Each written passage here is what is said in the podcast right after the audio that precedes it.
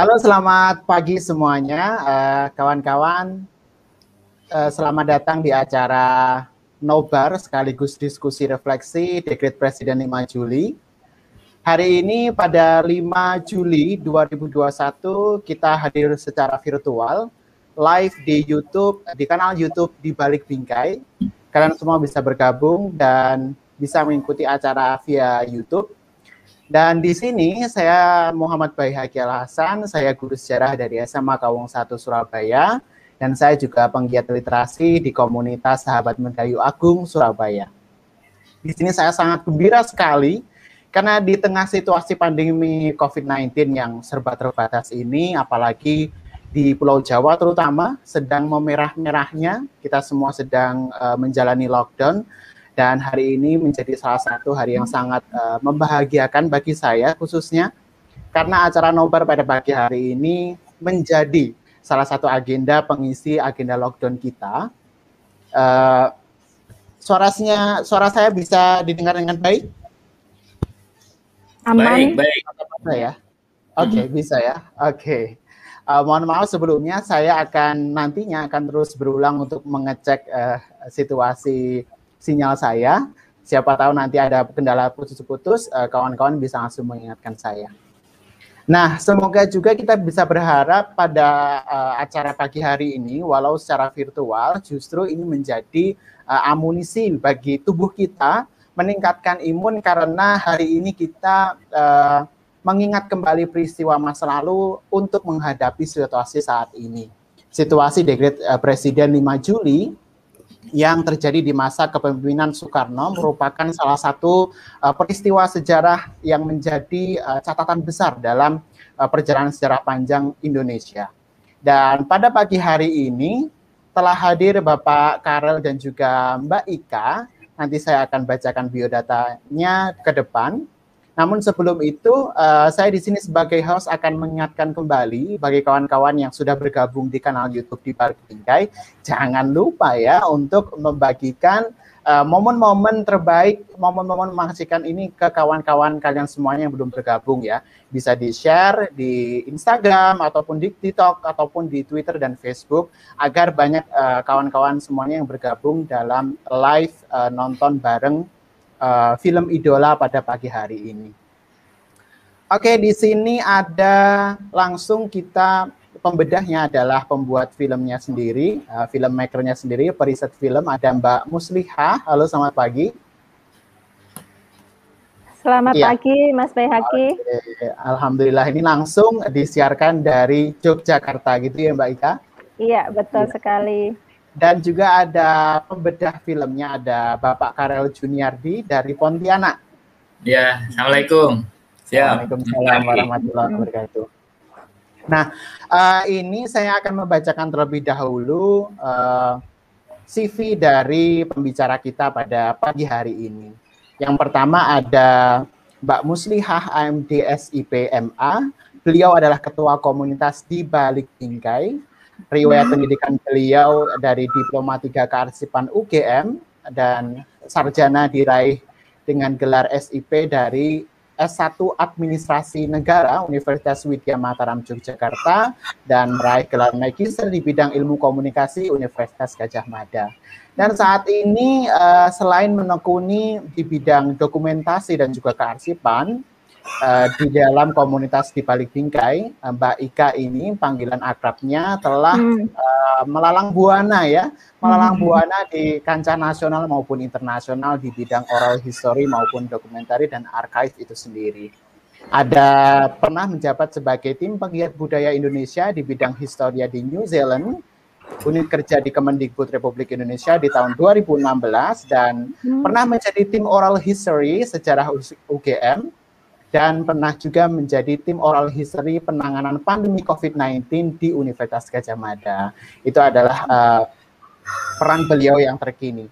Dan beberapa uh, penghargaan pernah diraih oleh beliau yang juga nggak jauh-jauh dari bidang kearsipan maupun dokumenter. Mm -hmm. Yang pertama pernah uh, menjuarai juara satu lomba karya tulis kearsipan nasional di tahun 2015 yang diselenggarakan oleh Arsip Nasional Republik Indonesia dan juara satu arsiparis berprestasi di lingkup Universitas Gajah Mada di tahun 2015 dan pernah menjuarai juara dua Arsiparis Teladan Nasional 2017 luar biasa. Boleh tepuk tangan virtual ya oh.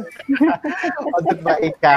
Terima kasih, terima kasih. Nah, selain uh, berbagai jenis uh, lomba yang dimenangkan beliau, beliau juga pernah menerbitkan beberapa karya buku. Ada banyak sekali yang saya bacakan ini mungkin satu jus ya. ada banyak sekali. Yang pertama ada buku bunga rampai kearsipan, berbagai film dokumenter ada sembilan ini yang tercatat di sini. Ada sembilan film dokumenter yang pernah uh, dikecimpungi oleh beliau dan yang sedang akan kita saksikan bersama ini adalah salah satu dari karya beliau yang diproduksi di tahun 2017. Nah, nanti untuk uh, mengepoin lebih lanjut Mbak Ika dan sosoknya hmm. di komunitas di balik bingkai ini mungkin bisa touch up via Instagram ya Mbak ya. Iya, oke. Okay. Instagram loh ya di oh, ya. juga biar kekinian gitu ya. Oke, okay. kawan uh, Mbak Ika nih hadir di sini nanti juga uh, akan memberitahu rasa penasaran teman-teman semuanya yang uh, menyaksikan secara virtual hari ini tentang mm-hmm. sebenarnya film Sang Idola ini film apa dan mau menyampaikan pesan apa sebenarnya dan mm-hmm. mengapa sih harus kita tonton dan kita peringati sebagai salah satu acara di uh, refleksi 5 Juli dekret presiden ini. Mm-hmm. Uh, baik, kawan. Yang kedua ada Bapak Karel Juniardi. Ini adalah uh, beliau ini adalah Bapak dosen. Halo Pak Karel. Panggilannya Halo. Pak Karel gitu ya? Iya. Iya. Pak Karel ini bernama lengkap saya ulangi. Siap, siap, betul. Iya, Karel Juniardi, SSMPD. Jadi mohon maaf kalau sinyalnya agak delay karena saya di sini ada di posisi Surabaya dan Pak Karel ada di Pontianak ya. Kita mau berlawanan waktu Indonesia Barat ini. gitu. Ya, Uh, beliau uh, aslinya Brebes gitu ya Pak ya? Iya betul.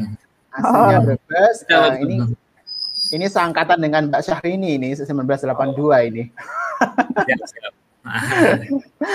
beliau uh, berprofesi sebagai dosen pendidikan sejarah di IKIP PGRI Pontianak dan beliau merupakan uh, lulusan dari uh, jurusan Ilmu Sejarah Fakultas Sastra Universitas Diponegoro tahun 2006 dan beliau mendapatkan gelar Magister Pendidikan di program studi pendidikan sejarah pendid uh, sejarah pendidikan pasca sarjana Universitas 11 Maret di tahun 2013 lalu.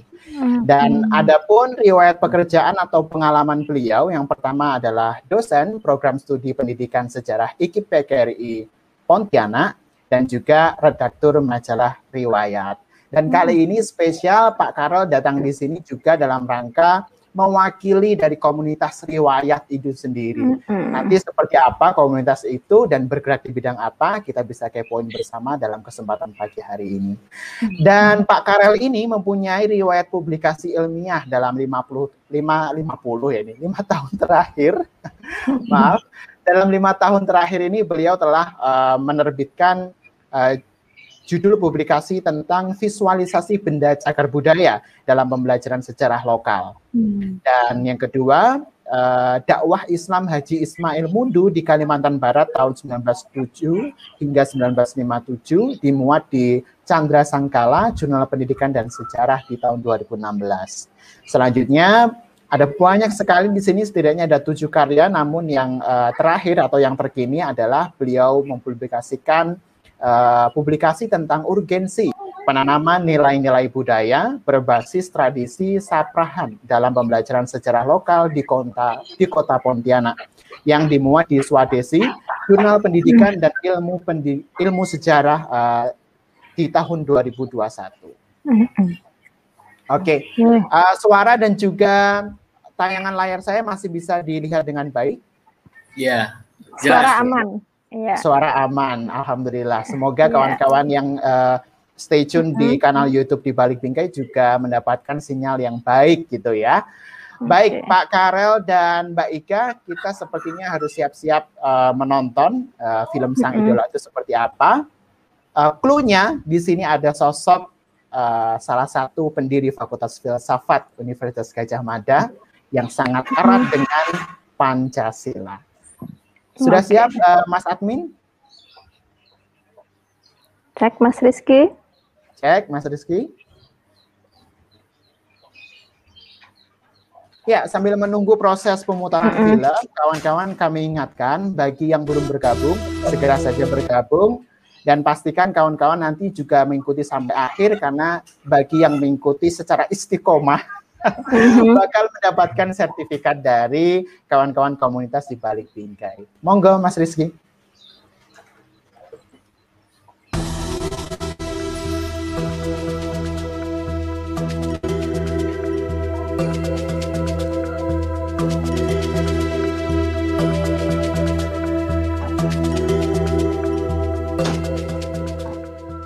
menetapkan Undang-Undang Dasar 1945 berlaku lagi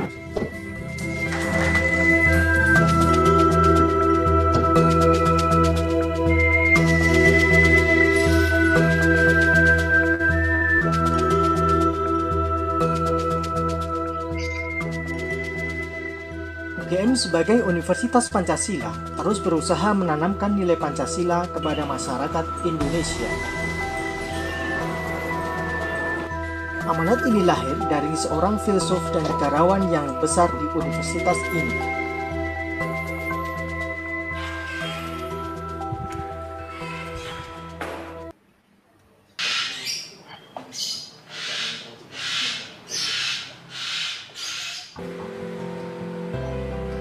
Kunto Wibisono Siswo Miharjo, pria yang akrab dipanggil Kunto ini, merupakan doktor pertama Fakultas Filsafat UGM. Kunto pertama kali mengenal Noto Nagoro pada tahun 1952 saat ia masih menjadi mahasiswa.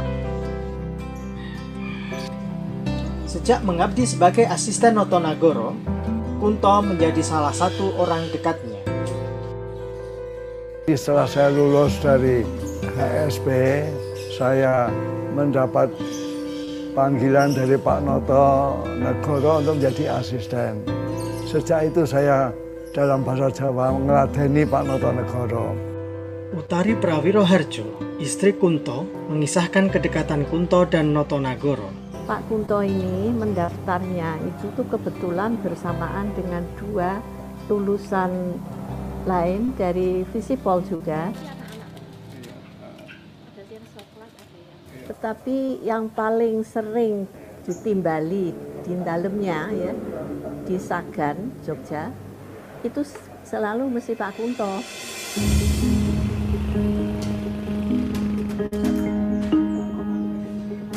Kedekatan Kunto dan Notonagoro juga dibenarkan oleh Heri Santoso, mahasiswa Kunto yang sekarang menjabat sebagai Kepala Pusat Studi Pancasila UGM. Yang paling dekat sejak awal itu ya Profesor Kunto Wibisono. Yang dulu masih di RS Kunto Wibisono ya.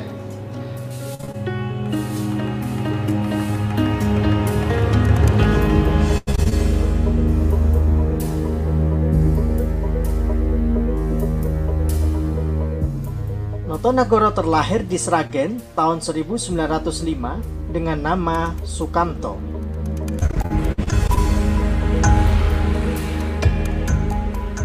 Sekembalinya dari Belanda, Sukamto bekerja di Kasunanan, Surakarta. Ia dianugerahi nama kebangsawanan Notonagoro dengan gelar Kanjeng Raden Mas Tumenggung. Apalagi setelah kemudian Pak Noto kawin dengan seorang putri PB 10. Oleh orang dekatnya, Noto Nagoro dikenal sebagai pribadi yang unik, tenang dalam pemikiran dan setia. Contoh seorang Jawa yang saya sendiri tidak bisa meneladaninya karena itu ya kita tidak terlalu bisa menebak apa sebetulnya yang dirasakan. Tonton Negoro itu pribadi yang sangat tenang dalam tingkah laku, perbuatan, dan pikirannya. Dia itu orang yang sangat penghati-hati. Bahkan, ada yang beranggapan sosok Notonagoro adalah hasil perpaduan Soekarno dan Hatta. ada guru saya namanya Profesor Damaja Subaja. Beliau mengatakan begini. Jadi cerdasnya seperti Bung Karno, terbukti beliau menjadi promotor dari Bung Karno ketika penganugerahan Dr. Honoris Causa untuk Bung Karno. Tapi setianya, sabarnya itu seperti Bung Hatta. Notonagoro dikenal sebagai filsuf yang setia pada Pancasila sehingga dia dipilih sebagai promotor honoris causa Soekarno. 19 September 1951, Soekarno mendapatkan gelar Doktor Honoris Causa dari UGM atas jasanya sebagai penggali Pancasila. Pancasila menjadi hal yang penting, terbukti pada masa awal kemerdekaan. Pancasila menjadi perekat sekaligus tujuan bagi para pejuang untuk mempertahankan Republik Indonesia. Walau mengalami berbagai gejolak di daerah karena perbedaan ideologi, Pancasila menjadi dasar tetap tegaknya Republik ini. Dengan ini menyatakan kemerdekaan Indonesia. Jauh sebelum orang berpikir tentang Pancasila, tahun 50-an itu Pak Noto sudah mulai memikirkan pokok-pokok pikiran tentang Pancasila. Apa yang telah beliau pikirkan sejak lama tentang pemikiran-pemikiran filsafat menjadi alasan dari pimpinan dan anggota Senat Universitas Gajah Mada untuk menentukan Pak Noto dijadikan promotor bagi honoris causanya Presiden Soekarno. Jadi pikiran-pikiran filsafatnya yang kemudian dikaitkan dengan ilmu hukum. Perjalanan Pancasila sebagai dasar hukum dan falsafah negara mendapat ujian ketika Indonesia memasuki masa demokrasi parlementer. Masa ini diawali dengan penyelenggaraan pemilu pada tahun 1955. Pemilu 1955 merupakan pemilu pertama yang terselenggara sejak Indonesia merdeka. Pelaksanaan pemilu ini terbagi dalam dua tahap. Tahap pertama untuk memilih anggota Dewan Perwakilan Rakyat dan tahap kedua memilih anggota Dewan Konstituante. Dewan Konstituante inilah yang nantinya memiliki mandat menyusun Undang-Undang Dasar sebagai pengganti Undang-Undang Dasar sementara tahun 1950. Pemilu 1955 tercatat sebagai pemilu paling demokratis. Pemerintah berusaha mengakomodasi semua ideologi yang ada di Indonesia. Terdapat peserta dari partai nasionalis, komunis, agama, bahkan ada juga peserta dari kelompok daerah dan perorangan. Namun, dalam empat tahun masa sidang, Dewan Konstituante gagal menetapkan konstitusi negara. Masing-masing kelompok saling mempertahankan ideologinya hingga selalu terjadi kemacetan. Perang ideologi yang berkepanjangan berdampak pada krisis nasional. Dalam sidang umum konstituante itu ternyata terjadi kemacetan tentang dasar negara apakah yang akan dirumuskan dalam undang-undang dasar. Tidak ada kesepakatan antara nasionalisme, antara agama dan komunisme sehingga pada waktu itu kebetulan bersamaan sidang konstituante yang macet itu di Jogja diadakan seminar. Februari tahun 1959, Notonagoro menginisiasi acara seminar Pancasila di Yogyakarta dalam seminar ini, Notonagoro melalui pidatonya memberikan saran kepada pemerintah untuk kembali kepada Undang-Undang Dasar 1945. Di seminar itulah Pak Noto menerjemahkan pidatonya yang sangat fenomenal. Dan pidato jalan keluar dari kesulitan dasar negara itu kemudian memberikan pengaruh yang sangat signifikan bagi lahirnya dekret presiden. Hasilnya, pada tanggal 5 Juli 1959, Soekarno membacakan dekret presiden di depan Istana Negara. Menetapkan Undang-Undang Dasar 1945 berlaku lagi. Motonagoro menjadi sosok penting di balik lahirnya dekret presiden.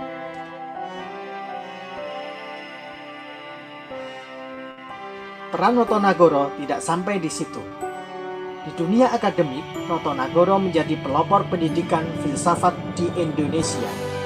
Dulu orang belum begitu banyak mengenal tentang filsafat. Nah, Profesor Notonagoro lah yang memperkenalkan itu. Sejak tahun 1955, UGM sudah mengajarkan filsafat kepada mahasiswanya. Filsafat menjadi mata kuliah wajib untuk semua mahasiswa di seluruh fakultas. Dengan filsafat, Notonagoro berharap agar masyarakat dapat berpikir objektif dan kritis dalam menghadapi permasalahan. Nagoro juga membuat kajian tentang cara agar masyarakat dapat lebih memahami Pancasila secara hakiki hingga muncullah apa yang disebut filsafat Pancasila. Dari kajian itu beliau mengajarkan bahwa Pancasila itu merupakan filsafat hidupnya bangsa Indonesia. Kemudian beliau memberi contoh kajian Pancasila secara akademik. Tahun 1967, Notonagoro berhasil mewujudkan salah satu harapan terbesarnya, yaitu berdirinya Fakultas Filsafat di Bulak Sumur. Dengan didirikannya Fakultas Filsafat di UGM, Notonagoro semakin aktif mengajarkan filsafat Pancasila. Atas jasanya dalam ilmu filsafat Pancasila, tahun 1973, UGM menganugerahkan gelar Doktor Honoris Causa di bidang ilmu filsafat kepada Noto Nagoro. Saya itu cuma punya dua idola. Satu Pak Noto Negoro yang memberikan dasar-dasar kefilsafan pada saya secara menyeluruh. Kemudian Profesor Van Persen dari negeri Belanda. Pak Noto Negoro selalu mengembangkan dasar dan arah pengembangan filsafat harus diarahkan pada Pancasila yang sampai sekarang itu dipatuhi, dijadikan warisan di Fakultas Filsafat. Bahwa kami sangat bersyukur karena keinginan Fakultas Filsafat sudah 30 tahun yang lalu ingin memiliki gedung yang bernama Notonagoro Alhamdulillah pada hari ini tanggal 20 April 2016 keinginan kami itu terkabul. Berdasarkan inisiatif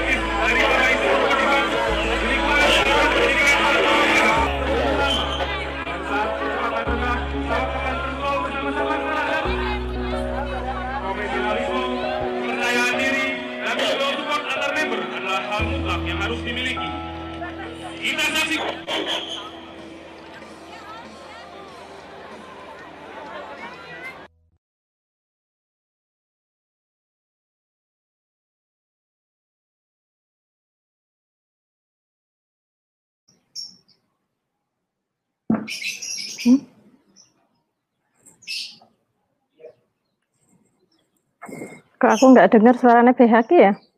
Oh, halo, Mas BHK, suaranya? Oke, okay. ya. Oke, okay. baik. Demikian tadi kita sudah uh, menonton bersama film pendek Sang Idola dan teman-teman yang setia masih uh, pantengin kita semuanya di kanal YouTube di Balik Bingkai, terima kasih banyak. Sebelumnya uh, kami mau menyapa dulu teman-teman yang sudah hadir di sini uh, sejak pukul 10 tadi. Ada dari kawan-kawan uh, dari Kemenlu juga ada, dari apa Kementerian Agama Jakarta Selatan juga ada, kawan-kawan dari SMK SMT IB Aceh juga hadir. Dan dari Dikbud Provinsi Bengkulu juga hadir. Luar biasa terima kasih apresiasinya dan dari Provinsi Kalsel Dinas Pendidikan Kalimantan Selatan luar biasa kawan-kawan uh, yang sangat antusias hari ini. Hingga uh, dari kawan-kawan IPB juga hadir. Terima kasih luar biasa banyak sekali ini uh, Mbak Ika dan Pak Karel kalau saya scroll sampai ke bawah ini. Ini menandakan bahwa acara pagi hari ini meskipun virtual tapi tidak mengurangi esensi semangat kita semuanya untuk refleksi sejarah debit uh, Presiden 5 Juli hari ini. Nah, eh, kawan-kawan pasti sudah nggak sabar nih ya untuk berdiskusi bersama para speaker kita ada Mbak Muslihah dan juga Pak Karel hari ini. Namun sebelum itu uh, saya di sini akan kembali mengingatkan kepada kawan-kawan semuanya mengenai uh, ketentuan uh, acara nobar dan juga bedah film pada pagi hari ini. Yang pertama, uh, apabila kawan-kawan mau mengajukan pertanyaan, pertanyaan dan tanggapan dapat disampaikan melalui chat atau komen di kanal YouTube selama acara berlangsung. Dan ketentuan untuk mendapatkan e-sertifikatnya adalah pertama, bagi peserta yang menghendaki sertifikat wajib mengisi link daftar hadir dan mengikuti persyaratannya yaitu subscribe channel YouTube di balik bingkai dan mengunggah bukti subscribe-nya kalian bisa uh, screen layar ya. Kemudian uh, e-sertifikat hanya diberikan kepada peserta yang mengisi daftar hadir sesuai dengan ketentuan. Dan e-sertifikat akan dibagikan paling lambat satu minggu setelah acara melalui WhatsApp grup peserta nobar. Nah, itu tadi ketentuan-ketentuannya, semoga bisa dipahami dan eh, teman-teman uh, tetap bersemangat ya untuk mengikuti acara pada pagi hari ini. Baik, uh, saya akan memulai dulu uh, kepada Mbak Muslihah nih atau panggilannya adalah Mbak Ika untuk ya. menyampaikan uh, cerita-cerita di balik layar atau gimana hmm. sih dapur produksi dari film ini, apa tujuan dan visi misi di balik film ini semuanya. Halo Mbak Ika, silahkan. Iya, halo Mas Bayhaki. Baik, halo, Uh, selamat pagi menjelang siang. Terima kasih Mas Bayhaki sama-sama. Terima kasih. Uh, salam Pak Karel. Uh, selamat pagi teman-teman semua peserta nobar. Uh, terima kasih atas kesempatannya. Assalamualaikum warahmatullahi wabarakatuh. Waalaikumsalam warahmatullahi iya. wabarakatuh. Izin ya pagi hari ini mungkin saya akan cerita sedikit tentang uh, pengalaman uh, saya dalam produksi film uh, dokumenter ini. Jadi eh, teman-teman semua film apa durasi pendek yang sudah ditonton tadi sebetulnya itu sudah kami produksi tahun 2017 memproduksinya uh, diproduksi oleh UGM kebetulan kami uh, teman-teman dari di balik bingkai itu ada saya dan Mas Rizky menjadi tim produksi dari film ini. Ya nah uh, kenapa kami uh, mengangkat cerita tentang Notonegoro ini atau kami mencoba mengeksplor sosok di balik dekrit Presiden 5 Juli. Jadi in, hari ini timing yang pas, waktu yang tepat bahwa uh, dulu di tanggal yang sama tahun 59 itu ada di apa deklarasikan dekrit presiden dan hari ini di tanggal yang sama hanya beda tahun di tengah pandemi kita mencoba merefleksi melihat peristiwa eh, tahun 59 itu seperti apa. Jadi eh, kenapa kami mengangkat cerita ini? Sebetulnya berawal dari mungkin tidak banyak yang mengenal sosok Nautonegoro, termasuk saya sendiri meskipun saya mungkin kuliah di UGM, saya juga uh, bekerja di UGM, tidak begitu mengenal uh, sosok uh, Nautonegoro apalagi dikaitkan dengan uh, peristiwa dekrit Presiden 5 Juli. Nah, rasa penasaran itu kemudian coba kami jawab dengan kami bergerak, kami melakukan riset dan kemudian kami mencoba membuat sebuah dokumenter yang tadi sudah disaksikan oleh teman-teman semua. Izin saya cerita uh, tentang sosok Notonegoro. Uh, saya share screen dulu ya. Hmm. Izin. Uh, jadi film ini uh, bercerita tentang uh, Notonegoro, khususnya mungkin uh, banyak yang kita tidak tahu uh, seperti apa sebenarnya Notonegoro itu. Sebentar, cek dulu.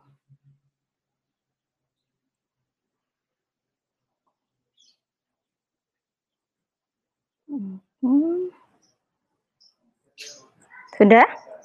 Bisa? Oke. Kok mah hilang, Dek?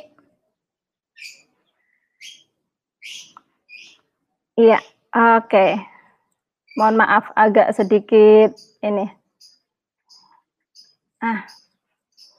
Baik, eh, teman-teman eh, semua, tadi sudah dilihat uh, film pendeknya tentang Notonegoro. Izinkan saya cerita sedikit siapa sih sebenarnya Notonegoro itu. ketika kami riset, ketika kami melakukan wawancara bertemu dengan tokoh-tokoh eh, Pancasila, tokoh-tokoh filsafat yang ada di UGM, yang kebetulan juga mendengar cerita secara langsung bagaimana sosok Notonegoro itu, ada label atau ada apa ya penggambaran tentang sosok Notonegoro yang eh, menurut saya itu eh, sangat berkesan. Notonegoro itu dikatakan cerdasnya seperti Bung Karno dan setianya seperti Bung Hatta. Penggambaran ini itu diungkapkan oleh almarhum Pak Damar Jati Supajar. Mungkin kita banyak mengenal siapa sih uh, Damar Jati Supajar itu ya, tokoh filsafat yang sudah berpulang mendahului kita. Nah, beliau ini menggambarkan bahwa uh, Pak Notonegoro ini cerdasnya seperti Bung Karno dan setianya seperti Bung Hatta uh, Notonegoro ini uh, lahir di Sragen tahun 9, 1905 dan meninggalnya di Yogyakarta tahun 81.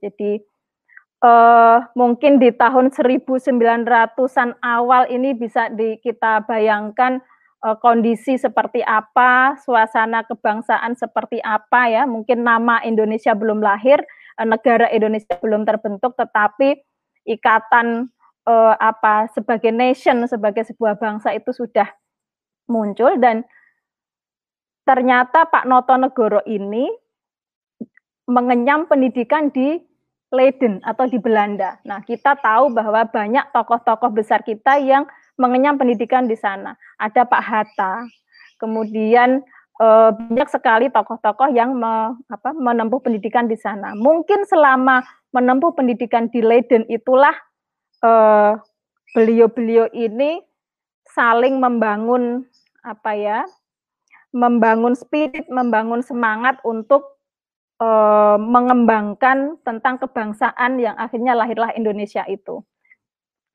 Pak Notonegoro ini karir terakhirnya beliau ini adalah guru besar di Fakultas Filsafat UGM terkenal dengan peneliti dan pemikir filsafat, khususnya filsafat Pancasila.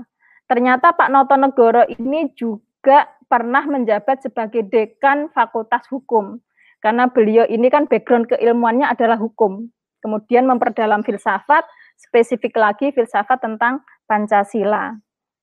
Nah, eh, Pak Notonegoro ini selain sebagai eh, guru besar, beliau ini banyak yang mengatakan sebagai pionir atau perintis pendidikan filsafat di Indonesia. Nah, Fakultas Filsafat yang kemudian dipimpin beliau di apa namanya di UGM ini adalah fakultas filsafat pertama di Indonesia tahun 60-an ya. Nah, apakah mulus? Ternyata tidak bahwa ilmu filsafat di tahun 60-an ya setelah didirikan belum lama itu kemudian sempat dibubarkan atau uh, sempat ditiadakan oleh pemerintah karena waktu itu sempat ada anggapan bahwa belajar filsafat itu membahayakan. Nah, jadi uh, sempat ditiadakan ketika Fakultas Filsafat itu tidak ada, maka uh, Pak Notonegoro ini dengan tim membentuk namanya Biro Penyelenggara Kuliah-Kuliah Khusus yang artinya meskipun Fakultas Filsafat tidak ada, beliau tetap bisa mengajarkan ilmu-ilmu uh, filsafat, khususnya filsafat Pancasila di uh, Biro Penyelenggara Kuliah-Kuliah Khusus itu. Uh, mungkin tidak salah ketika dikatakan bahwa Pak Notonegoro ini cerdasnya seperti Bung Karno, karena terbukti beliau ini dipilih menjadi promotor. Promotor ketika Presiden Soekarno mendapatkan gelar honoris causa di UGM pada tanggal 19 Desember tahun 51.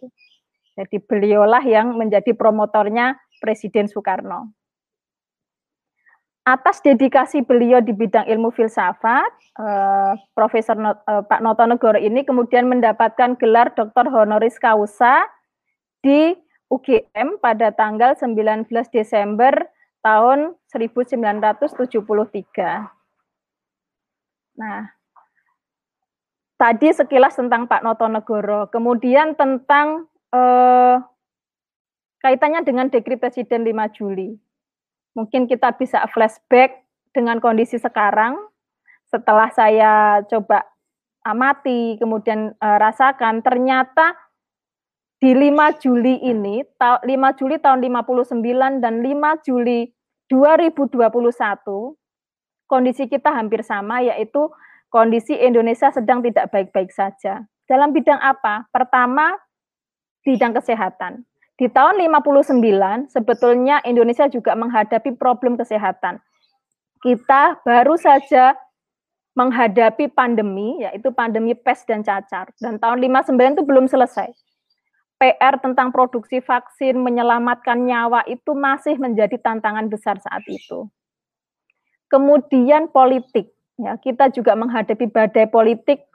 Kalau tadi dikatakan pemilu 55 itu adalah pemilu paling demokratis, tetapi ternyata itu juga membuat membuka keran kebebasan yang hampir tak terkendali dan kita menghadapi guncangan politik dengan gonta-gantinya bentuk apa namanya uh, presidensial dan segala macam, kita seperti sedang uji coba tentang kepemimpinan di masa itu. Dan saat ini pun kita juga sama isu politik. Pemilu masih di tahun 2024, tetapi panasnya sudah kita rasakan dari sekarang ya. Jadi sama, kita masih sama-sama menghadapi problem politik eh, menghadapi pemilu. Kalau dulu politik pasca pemilu. Kemudian sama-sama kita menghadapi problem ekonomi ya Uh, kalau tahun 59 kita menghadapi problem ekonomi akibat pasca pandemi dan goncangan politik pasca pemilu, sedangkan saat ini kita menghadapi hantaman apa uh, tentang masalah ekonomi yang sangat besar sekali dampaknya baik pemerintah maupun semua warga akibat pandemi COVID-19. Jadi uh, saya melihatnya sama kondisinya, sama-sama menghadapi tiga problem utama yaitu masalah kesehatan, masalah politik dan masalah ekonomi.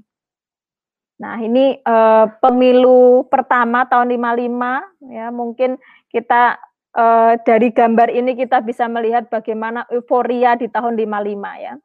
Ternyata ketika pemilu berhasil tidak serta-merta kehidupan dan stabilitas politik itu uh, tercapai ya. Jadi mungkin sama seperti kemarin kita setelah lewat bertahun-tahun pasca pemilu ternyata pro cebong kampretnya juga enggak apa namanya enggak selesai-selesai konfliknya masih berkepanjangan sama dengan gambaran di tahun 55 nasionalis Palu Aret bulan bintang itu juga menjadi uh, satu kekuatan yang saling tar menarik dan uh, seperti saling memperebutkan kekuasaan Nah, ini uh, boleh dilihat ya, kita sambil ke seperti bernostalgia, mungkin ini suasana pemilu zaman dulu gitu ya.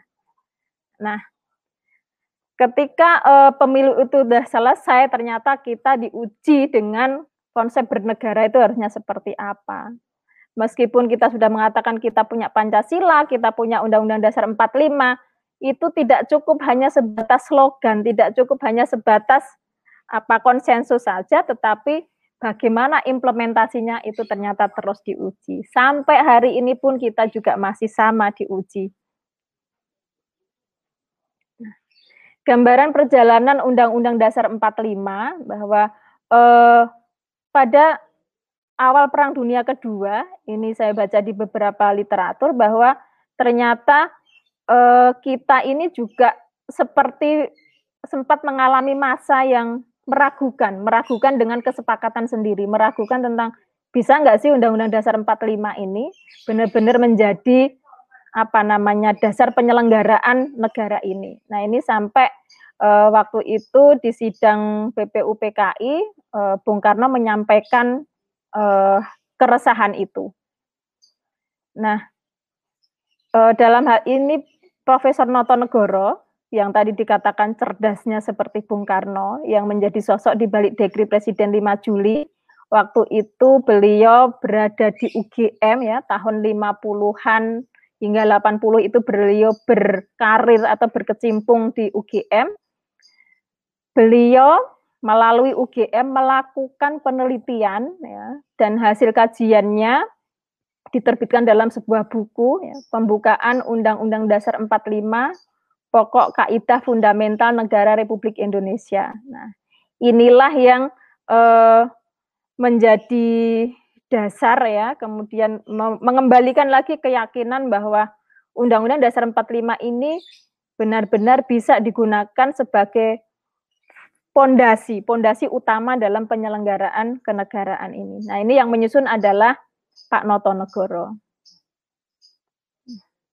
Tidak hanya itu, ya, bukan hanya mengkaji tentang uh, dasar negara, tidak hanya mengkaji tentang Undang-Undang Dasar 45, Pak Noto Negoro ini melalui UGM bersama tim ya, yang disebut dengan tim 11 yang isinya adalah guru besar, guru besar atau profesor-profesor di UGM dari berbagai bidang ilmu.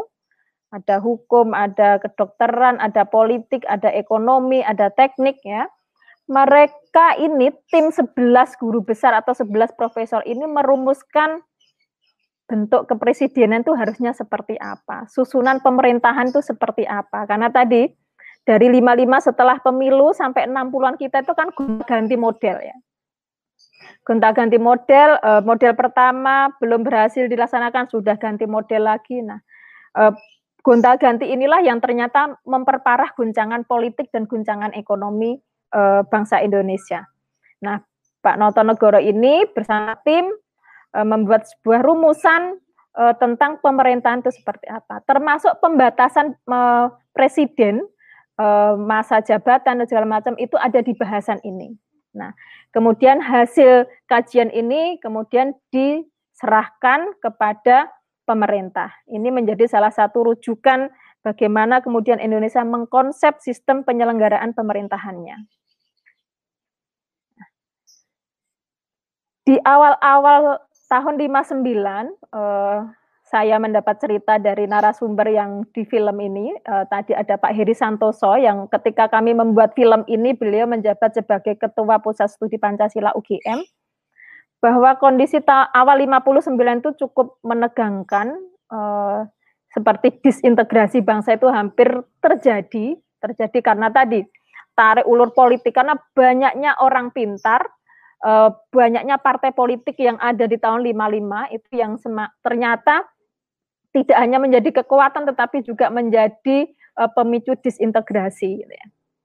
Nah, uh, melihat situasi itu, Pak Noto Negoro ini baik selaku UGM maupun juga dengan pemerintahan DIY menyelenggarakan seminar Pancasila. Ini ada yang mengatakan bahwa ini adalah seminar Pancasila pertama Indonesia diselenggarakan di Yogyakarta tanggal 16 sampai 20 Februari. Dalam seminar ini Pak eh, Presiden Soekarno juga hadir.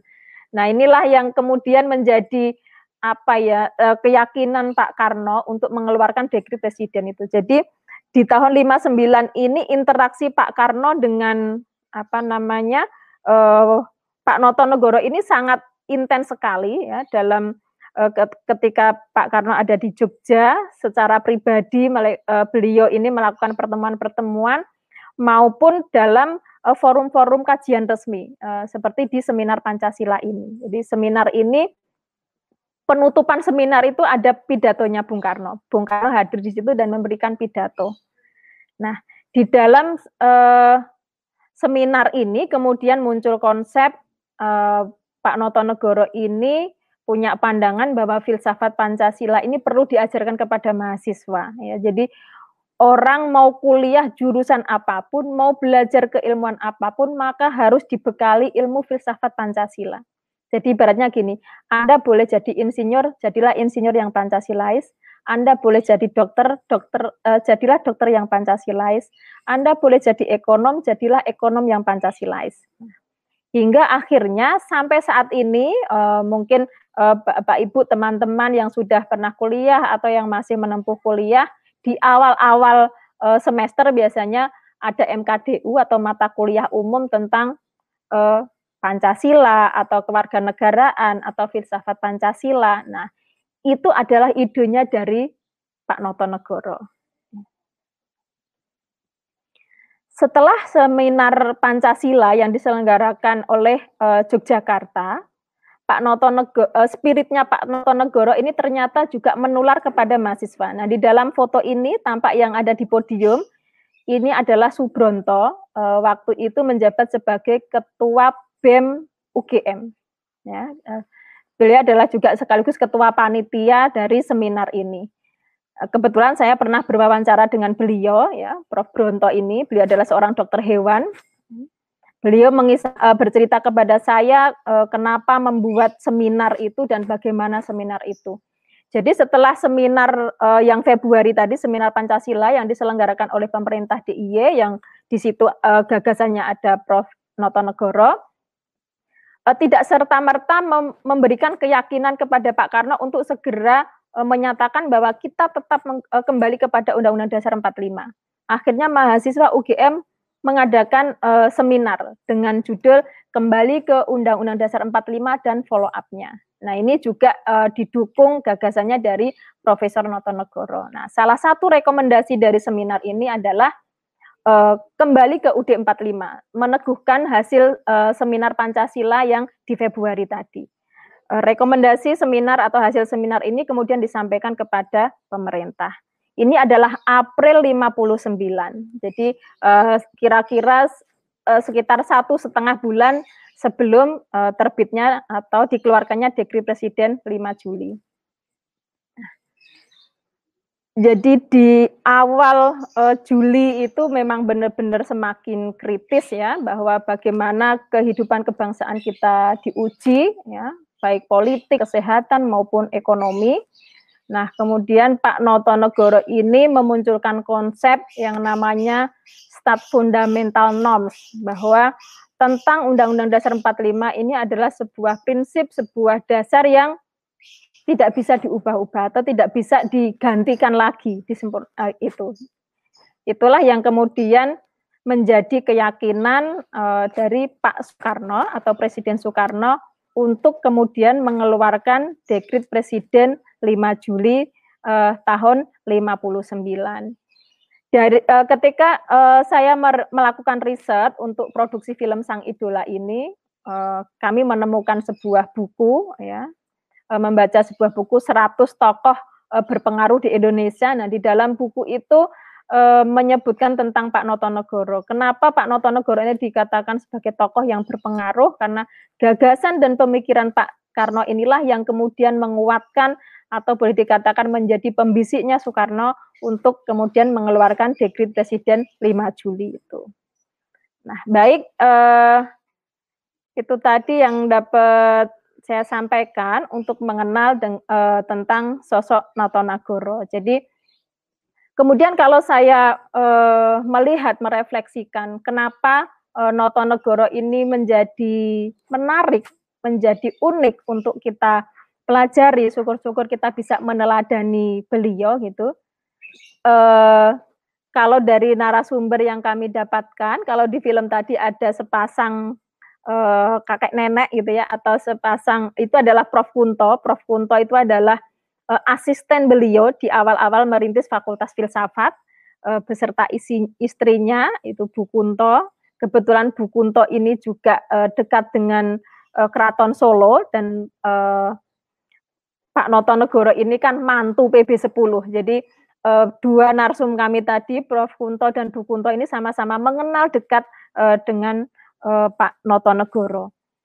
Kesan yang ditangkap oleh Bu Kunto dan Pak Kunto bahwa Pak Notonegoro ini sosoknya diam, eh, tenang sekali. Eh, kalau orang yang nggak kenal mungkin eh, dianggap menyeramkan, eh, agak misterius gitu ya. Tetapi lebih sebenarnya beliau adalah sosok yang sangat tenang. Mungkin dengan ketenangannya beliau itulah di tengah polemik tadi polemik kebangsaan karena faktor ekonomi, politik dan kesehatan beliau bisa berpikir jernih.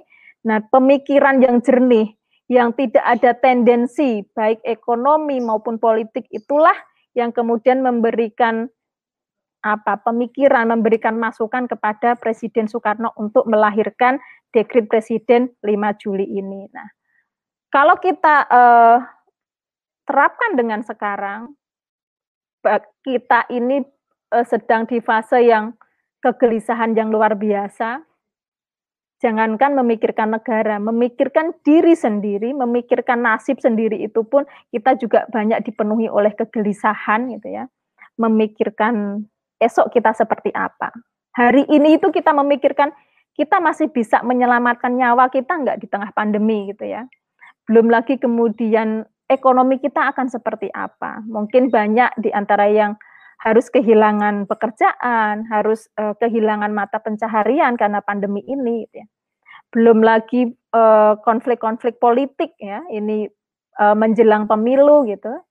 Nah, kunci ketenangan ya, ketenangan inilah yang menjadi kunci. Makanya ada yang bilang bahwa ketenangan itu separuh dari obat ya, ketenangan itu separuh dari kekuatan. Dengan ketenangan itulah bisa menyelesaikan masalah-masalah yang yang besar. Mungkin itu yang saya tangkap dari sosok Notonegoro ketika saya terlibat dalam produksi film Sang Idola ya, yang mengangkat tentang biografi uh, Profesor Notonegoro sosok di balik Dekrit Presiden 5 Juli.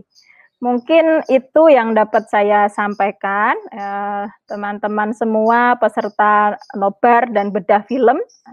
Uh, nanti kalau ada hal yang ingin ditanyakan atau ingin kita diskusikan bisa disampaikan di kolom chat uh, di YouTube. Uh, demikian Mas Bayhaki, uh, terima kasih waktu saya kembalikan kepada Mas Bayhaki. Terima kasih Mbak Musliha atas paparannya yang sangat luar biasa mendalam.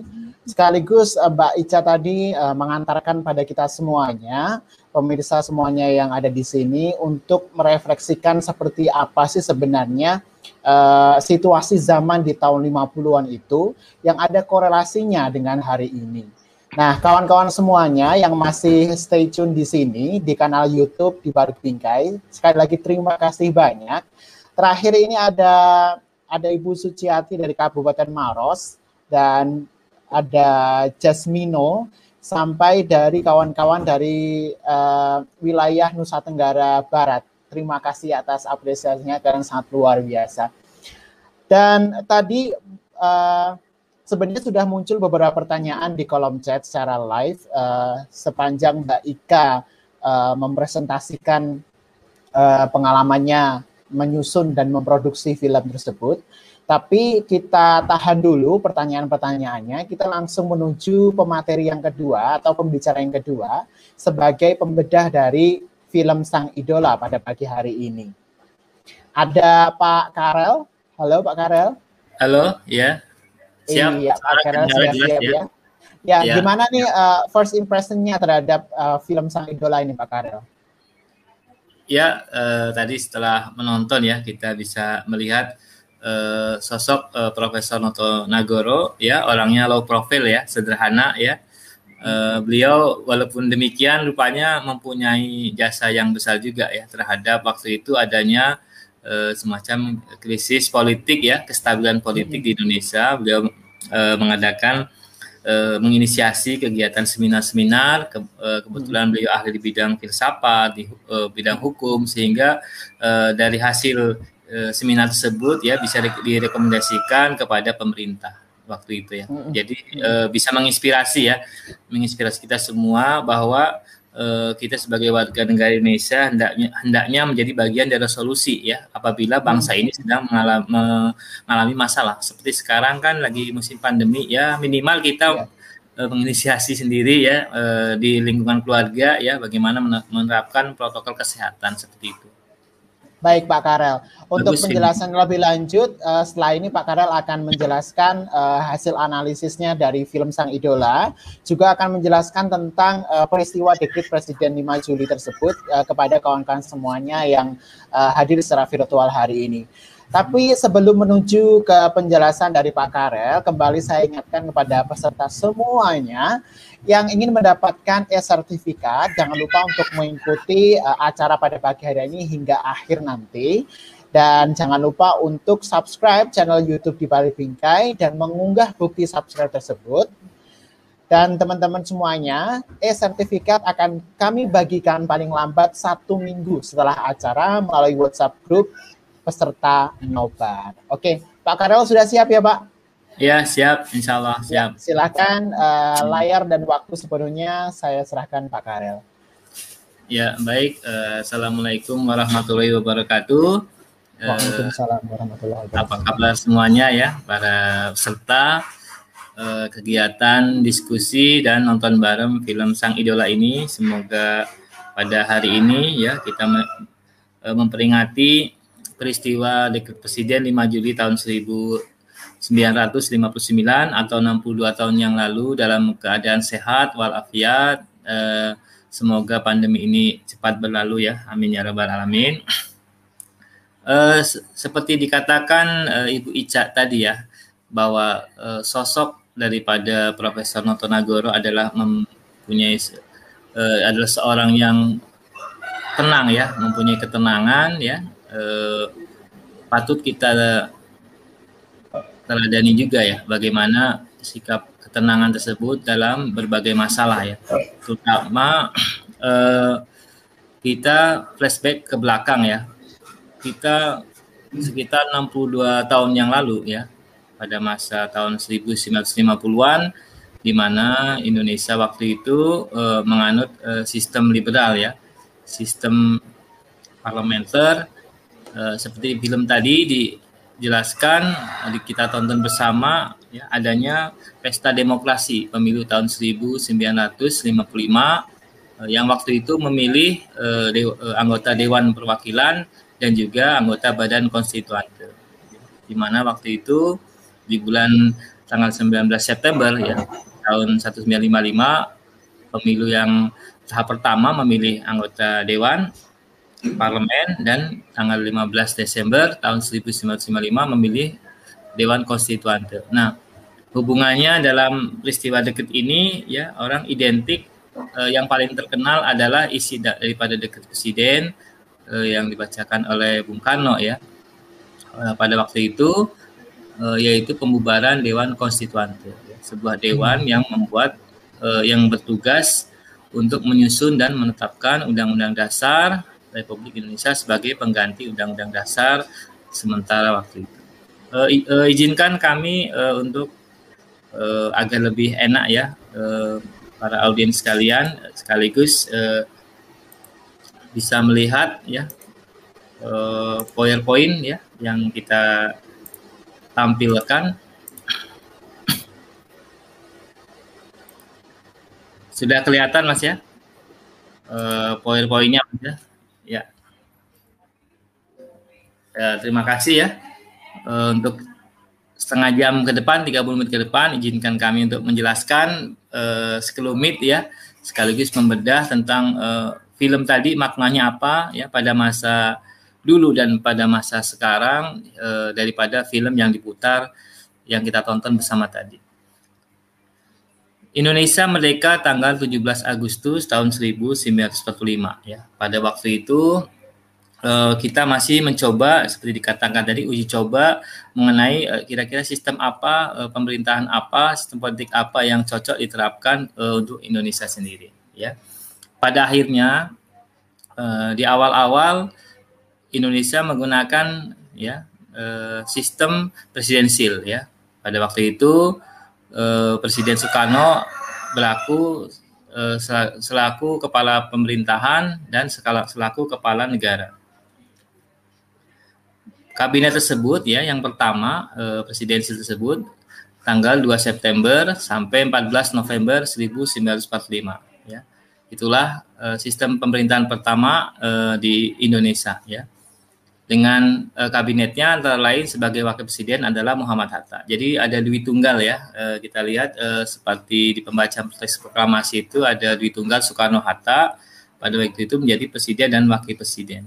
Nah, pada seiring berjalannya waktu ya, banyak tokoh-tokoh terutama di KNIP ya seperti Sultan Syahrir mengatakan bahwa uh, anggota kabinet presidensial yang pertama itu yaitu uh, banyak orang-orang yang menduduki di kabinet itu e, merupakan e, dulunya e, kolaborator dengan Jepang ya. Jadi mereka semacam menolak ya, ditolak ya, sehingga mereka e, mengajukan usulan bagaimana agar lebih demokratis lagi ya, demokratis lagi e, dilakukan perubahan yaitu sistemnya menjadi e, parlementer. Apalagi e, sejak keluarnya maklumat pemerintah ya nomor X ya eh, maklumat X ya nomor 3 tanggal 3 November tahun 45 yang menganjurkan pembentukan partai-partai politik.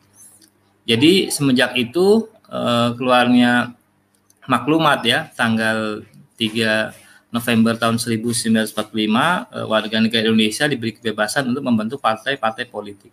Maka mulai muncullah bermunculan partai-partai politik yang dulunya pada masa Jepang Jepang melarang pendirian partai-partai politik karena dikhawatirkan mengganggu usaha mereka dalam menguasai Indonesia.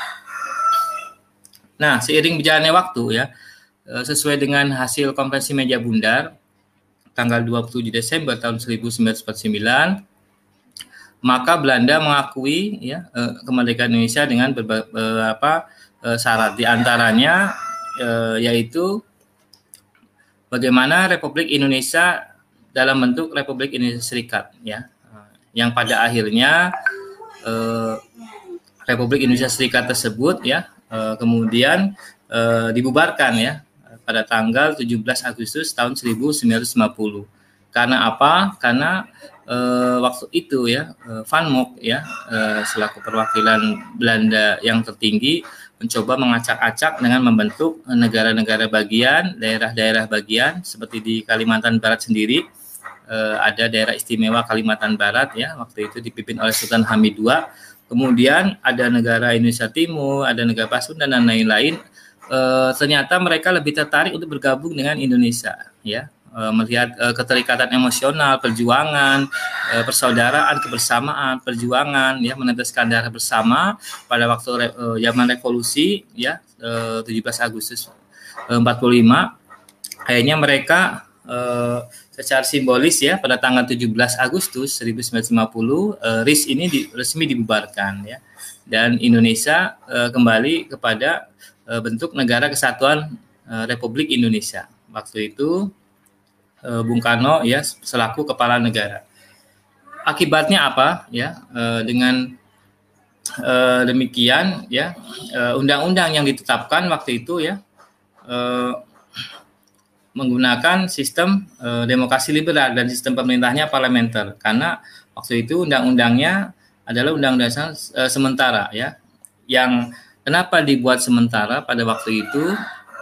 E, karena e, Presiden Soekarno ya dan tokoh-tokoh e, pemimpin-pemimpin Indonesia waktu itu menginginkan adanya undang-undang yang nanti e, berasal dari e, setelah diadakannya pemilu ya, yang pada akhirnya pemilu tersebut baru terlaksana pada tahun 1955 pada pada saat e, kabinet e, Burhanuddin Harahap ya seperti itu. Nah ini ya. Di film tadi ya ada ya eh, para audiens sekalian pemilu yang paling demokratis katanya eh, kurang lebih ada 40 partai ya eh, 40 partai yang mengikuti eh, pesta demokrasi tersebut ya pada tahun 1955 dengan pemenang empat terbesar yaitu Partai Nasional Indonesia, kemudian ada Masyumi, ada NU dan kemudian ada PKI ya pada waktu itu. Nah, di sini uh, ada seperti dikatakan tadi ya, uh, kenapa dikatakan undang-undang dasar sementara karena uh, inginnya pada waktu itu pemimpin, pemimpin politik kita ada sebuah dewan yang uh, bertugas untuk uh, menyusun dan menetapkan undang-undang dasar menggantikan undang-undang dasar sementara tahun 1950.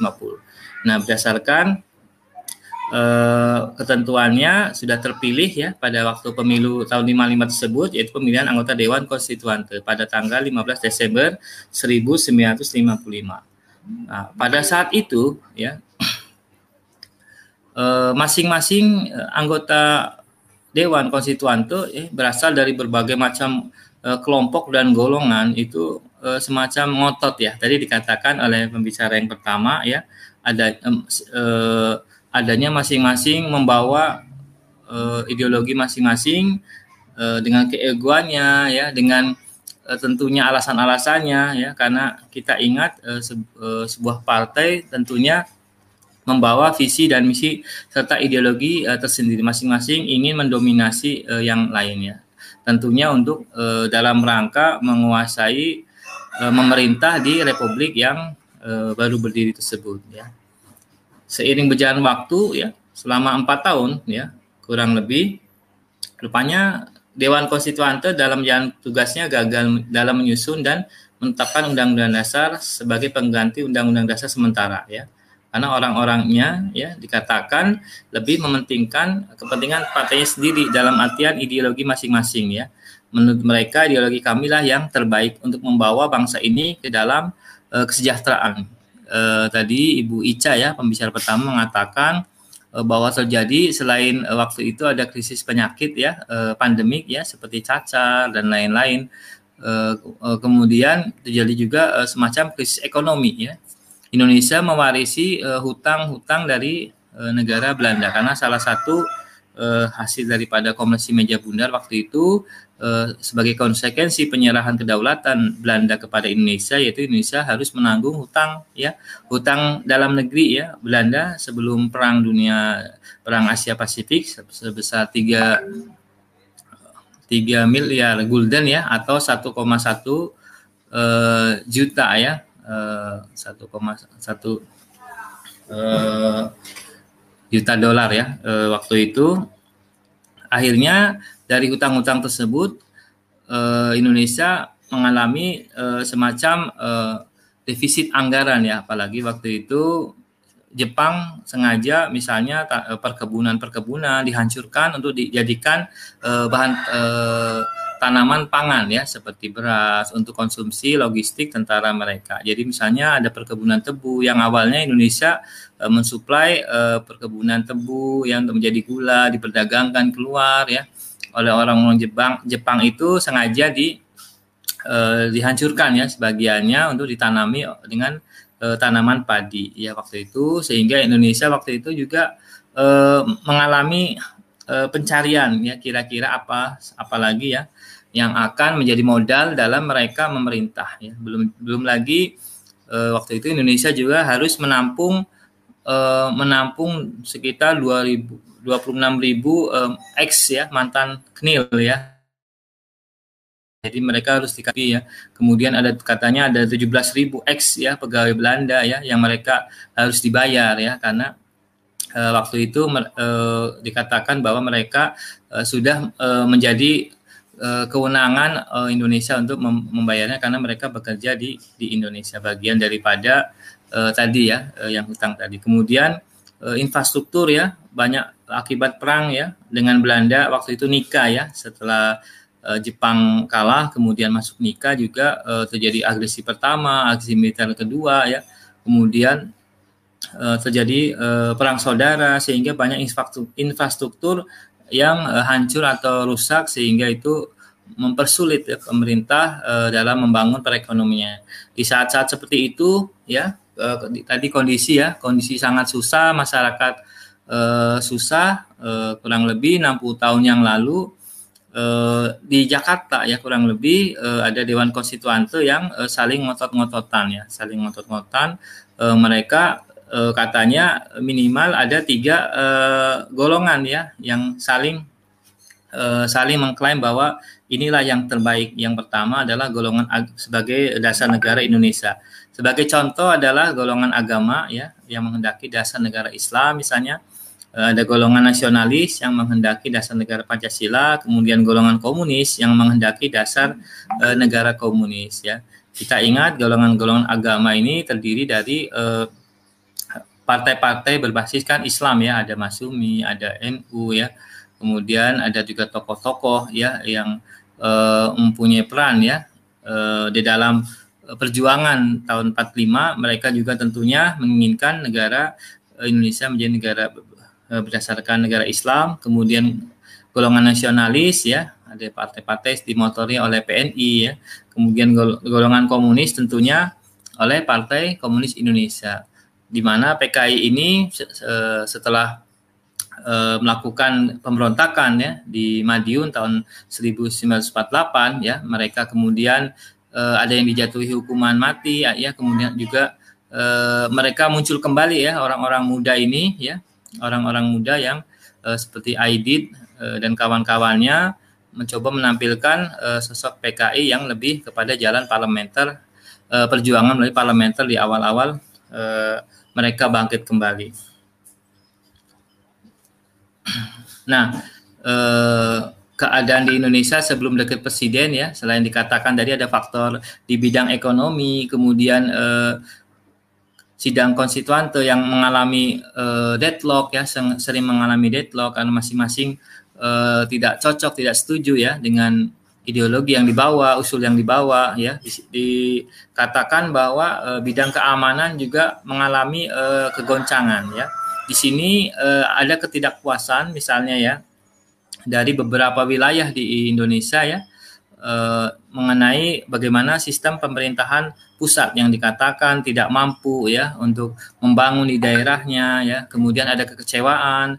Sebagai contoh eh, orang Sumatera eh, PRRI Permesta itu dikatakan mereka eh, menginginkan bahwa eh, pemerintahan tetap ya Dwi Tunggal Soekarno Hatta tetapi eh, pada waktu itu tanggal 1 Desember 1956 uh, Bung Hatta ya mengundurkan diri ya uh, sebagai wakil presiden sebagai sebagai Dwi Tunggal ya sebagai Dwi Tunggal uh, sehingga mengecewakan membuat uh, kecewa orang-orang di daerah ya dikatakan bahwa uh, tidak perhatian ya terhadap uh, pembangunan di di daerah ya.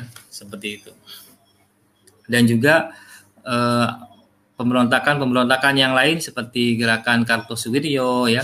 Itu juga sangat mengganggu stabilitas keamanan ya. Maka tidak heran pada waktu itu ya Soekarno menerapkan eh, SOB ya. Uh, ya start for outlook ya, Enbelek ya. Uh, keadaan darurat ya negara keadaan darurat. Karena benar-benar Indonesia itu semacam perang uh, perang saudara ya perang saudara di, di ambang perang saudara ya, di ambang perang saudara waktu itu. Nah, kemudian dalam sidang kabinet sendiri, dalam bidang kabinet sendiri ya, eh, demokrasi liberal eh, atau demokrasi parlementer itu membuat eh, ketidakstabilan sistem perpolitikan Indonesia. Masyarakat dibuat bingung dengan permainan politik di tingkat elit ya. Eh, paling banter dua kom, dikatakan 2,2 dua tahun dua bulan ya uh, kabinet yang bertahan ya. Kurang selebihnya itu kurang dari setahun ya kurang dari setahun atau kurang dari dua tahun. Uh, dikatakan bahwa dengan sistem parlementer ini Indonesia terjadi uh, pergantian sampai sembilan ya sembilan kali dari mulai tahun 45 ya pergantian kabinet uh, ini mencerminkan bahwa uh, adanya ketidakkonsistenan ya. Sebenarnya uh, elit politik ini kalau kita anggap uh, semacam bersaing ya untuk mendapatkan kekuasaan saling menjatuhkan ya tapi lupa dengan menjalankan program ya. Uh, sedikit-sedikitlah program yang uh, sedikit banyak program yang uh, dilaksanakan ya. Uh, ada misalnya seperti terselenggaranya konvensi meja bundar ya itu uh, bulan April tahun 1995 di Bandung itu termasuk salah satu uh, keberhasilan lah ya. Tetapi uh, dan pelaksanaan pemilu tentunya tahun 1955 juga merupakan sebuah keberhasilan daripada kabinet parlementer itu beberapanya. Tetapi banyak sekali program-program lain yang tidak berjalan. Yang harusnya kalau kondisi politik uh, stabil ya, uh, kondisi keamanan stabil itu program sangat program pembangunan bisa berjalan lebih maksimal ya, seperti itu. Maka banyak elit-elit yang juga tidak senang ya banyak pihak-pihak yang tidak senang dengan adanya permainan-permainan partai politik elit politik ya dalam kabinet ini. Kemudian dalam bidang kepartean ya uh, seperti dikatakan tadi ya banyaknya partai politik ya sampai kurang lebih 40 partai politik dalam pemilu tahun 1955 ya uh, itu terjadi persaingan dan pertentangan ya mereka merebut masa merebut suara uh, agar mereka menduduki uh, semakin banyak suara yang didapat tentu menduduki uh, kursi parlemen yang lebih banyak. Ya. Dengan mereka menggenggam kekuasaan, mereka bisa mengatur ya, mengatur sesuai uh, bangsa ini, jalan pemerintah ini sesuai dengan visi misi mereka. Tetapi adanya persaingan dan pertentangan ya, itu uh, tentunya uh, sangat merugikan ya. Kalau dibilang uh, seharusnya ya sesuai dengan dasar Pancasila ya, itu kan dalam sila keempat ya permusyawaratan ya eh, itu terdapat kestabilan ya diutamakan adalah eh, rakyat yang menjadi eh, diutamakan di dalam perjuangan partai-partai tersebut ya. Melalui media alat media mereka yaitu melalui kepartean di di dewan ya. Seharusnya seperti itu. Tapi mereka lebih mementingkan daripada partainya masing-masing. Kemudian ya seperti dikatakan pembicara yang pertama dan juga dalam film tadi ya bahwa pada akhirnya ya Presiden Soekarno menawarkan konsepsi ya uh, ini embrio ya cikal bakal daripada musuhnya dekat presiden ya bagaimana Presiden Soekarno waktu itu semacam merasa gerah ya terhadap kondisi perpolitikan di Indonesia. Waktu itu uh, ingin berbuat sesuatu ingin menyelamatkan bangsa bangsa Indonesia waktu itu yaitu uh, dengan mengajukan konsepsi adanya sistem demokrasi terpimpin ya sebagai ganti demokrasi liberal atau parlementer dengan maksud menyatukan golongan-golongan fungsional dalam perwakilan ya serta menjamin berlangsungnya pemerintahan yang stabil ya. Jadi waktu itu Presiden Soekarno mengatakan yang dimaksud dengan demokrasi terpimpin ya yaitu ya terpimpin e, masyarakat ya e, masyarakat yang terpimpin ya dalam permusyawaratan dan perwakilan ya. Jadi kata terpimpin itu sesuai dengan uh, sila keempat ya Pancasila ya sesuai dengan Undang-Undang Dasar 1945 ya. Jadi uh, guide demokrasi ya demokrasi terpimpin itu harus ada yang memimpin ya memimpin ya. Kalau dibiarkan ya banyak partai-partai seperti itu ya apalagi partai yang uh, bermain di belakang layar ya yang pada akhirnya oleh Presiden Soekarno waktu itu dibubarkan ya misalnya Partai Masumi ya dan Partai PSI ya melalui Kepres ya nomor 200 tahun 1960 pembubaran Masumi dan kemudian ke, keputusan Presiden nomor 201 ya tentang eh, tahun 1960 tentang pembubaran Partai Sosialis Indonesia karena diduga eh, keterlibatan elit tokoh tersebut ya eh, dalam eh, selain di parlemen mereka juga eh, terlibat mendukung waktu itu katanya pemberontakan eh, PRRI ya PRI Pemesta waktu itu. Jadi eh, ternyata sejak sudah sejak tahun 1957 ya eh, Presiden Soekarno menawarkan konsepsi demikian ya eh, bahwa demokrasi Indonesia itu harus eh, ada yang memimpin ya biar stabil ya seperti itu. Dengan jalan apa ya? Dengan dengan membuat dua ya, yaitu kabinet gotong royong ya, yang anggota-anggotanya berasal dari semua partai dan organisasi berdasarkan pertimbangan kekuatan yang ada di masyarakat serta membentuk Dewan Nasional ya yang terdiri dari golongan fungsional yang tugasnya itu memberi nasihat kepada kabinet yang dibentuk tersebut. Jadi biar kabinet gotong royong yang dikonsepsikan oleh Presiden Soekarno ini ya e, berjalan ya e, ada yang mengawasi ya maka dibentuklah e, Dewan Nasional ini ya yang terdiri dari uh, berbagai macam golongan fungsional yang di mas, uh, yang ada di masyarakat waktu itu. Nah, ini ya Presiden Soekarno dalam amanatnya di depan sidang konstituante pada tanggal 22 April tahun 1959 menyampaikan harapannya agar Indonesia kembali kepada Undang-Undang Dasar 1945 ya. Jadi untuk e, mendukung ya uh, Presiden Soekarno ini ya, didukung oleh uh, pemimpin TNI juga. Kita ingat bahwa uh, pimpinan TNI dalam arti di sini mis uh, misalnya TNI Angkatan Darat juga sudah gerah ya, gerah akan adanya uh, permainan di tingkat elit politik yang membuat tidak stabil ya, uh, tidak kunjung selesainya perumusan Undang-Undang Dasar ya yang akan menjadi dasar negara ya sehingga pada waktu itu ya Presiden Soekarno juga mendapat dukungan dari pimpinan TNI bahwa patut ya kembali eh, Indonesia itu ke dalam Undang-Undang Dasar 1945 sebagai eh, dasar negara ya. Nah ini ya pada hari Rabu ya tanggal 5 Juli tahun 1959 ya pukul 5 sore ya sekitar pukul 5 sore Presiden Soekarno di sana Merdeka membacakan dekret Presiden 5 Juli tahun 1959 ya. Yang pertama yaitu menetapkan pembubaran konstituante. Jadi badan konstituante tadi uh, dibubarkan ya. Yang hasil pemilu tahun 1955 dibubarkan ya. Sehingga dengan pembubaran tersebut otomatis maka uh, undang-undang dasar ya yang akan mereka rumuskan ya sudah dianggap uh, tidak perlu lagi ya. Karena sudah ditetapkan yaitu Undang-Undang Dasar 1945 yang akan berlaku kembali ya bagi segenap bangsa Indonesia dan seluruh tumpah darah Indonesia ya. Ya ter, jadi terhitung tanggal 5 Juli ya eh, tahun 1959 Indonesia memperlakukan kembali Undang-Undang Dasar 1945 seperti itu. Kemudian eh, membentuk pada akhirnya nanti membentuk eh, MPRS ya yang terdiri anggota DPR ditambah dengan utusan-utusan dari daerah-daerah dan golongan serta pembentukan Dewan Pertimbangan Agung sementara dalam waktu yang sesingkat-singkatnya.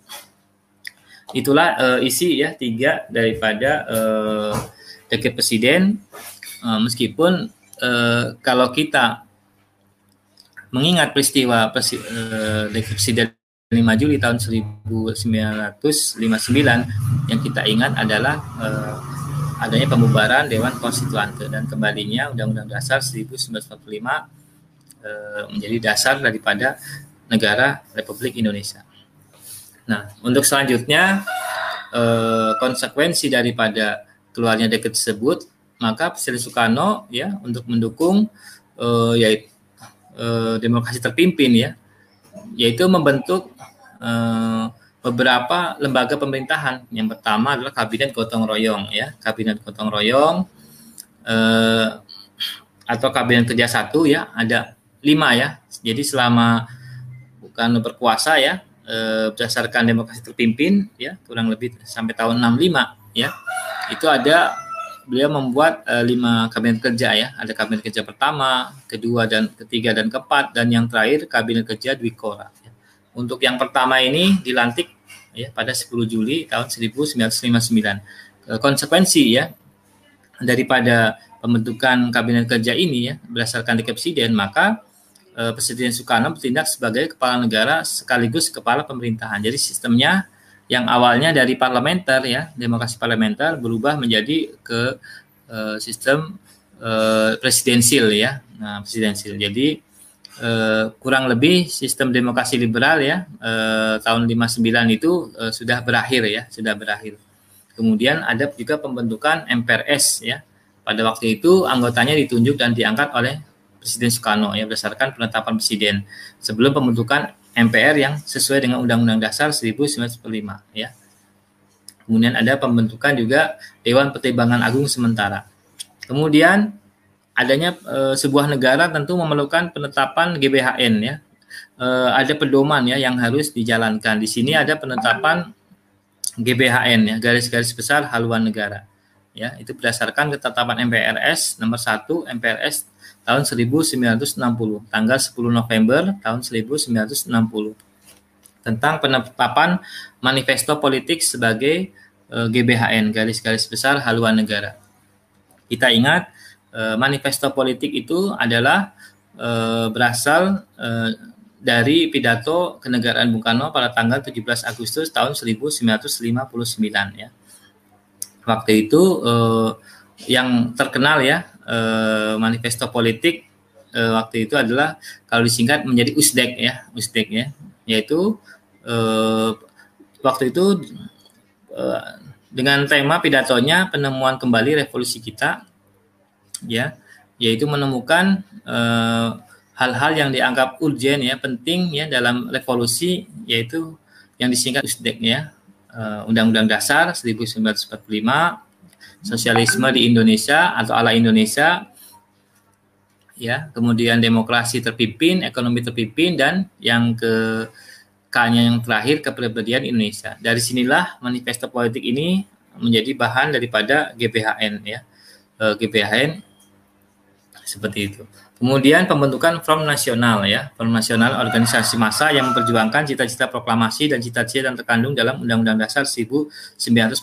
Jadi organisasi massa ini eh, terdiri dari berbagai macam eh, organisasi ya, organisasi yang eh, turut yang diharapkan bekerjasama untuk eh, meneruskan eh, revolusi Indonesia ya, revolusi Indonesia agar eh, tidak terjadi eh, instabilitas ya jadi mereka saling bekerja sama, uh, saling kolaboratif ya, uh, bahu membahu untuk mendukung daripada demokrasi terpimpin ya uh, agar uh, negara Indonesia tetap stabil sehingga harapannya pembangunan uh, akan berjalan seperti itu.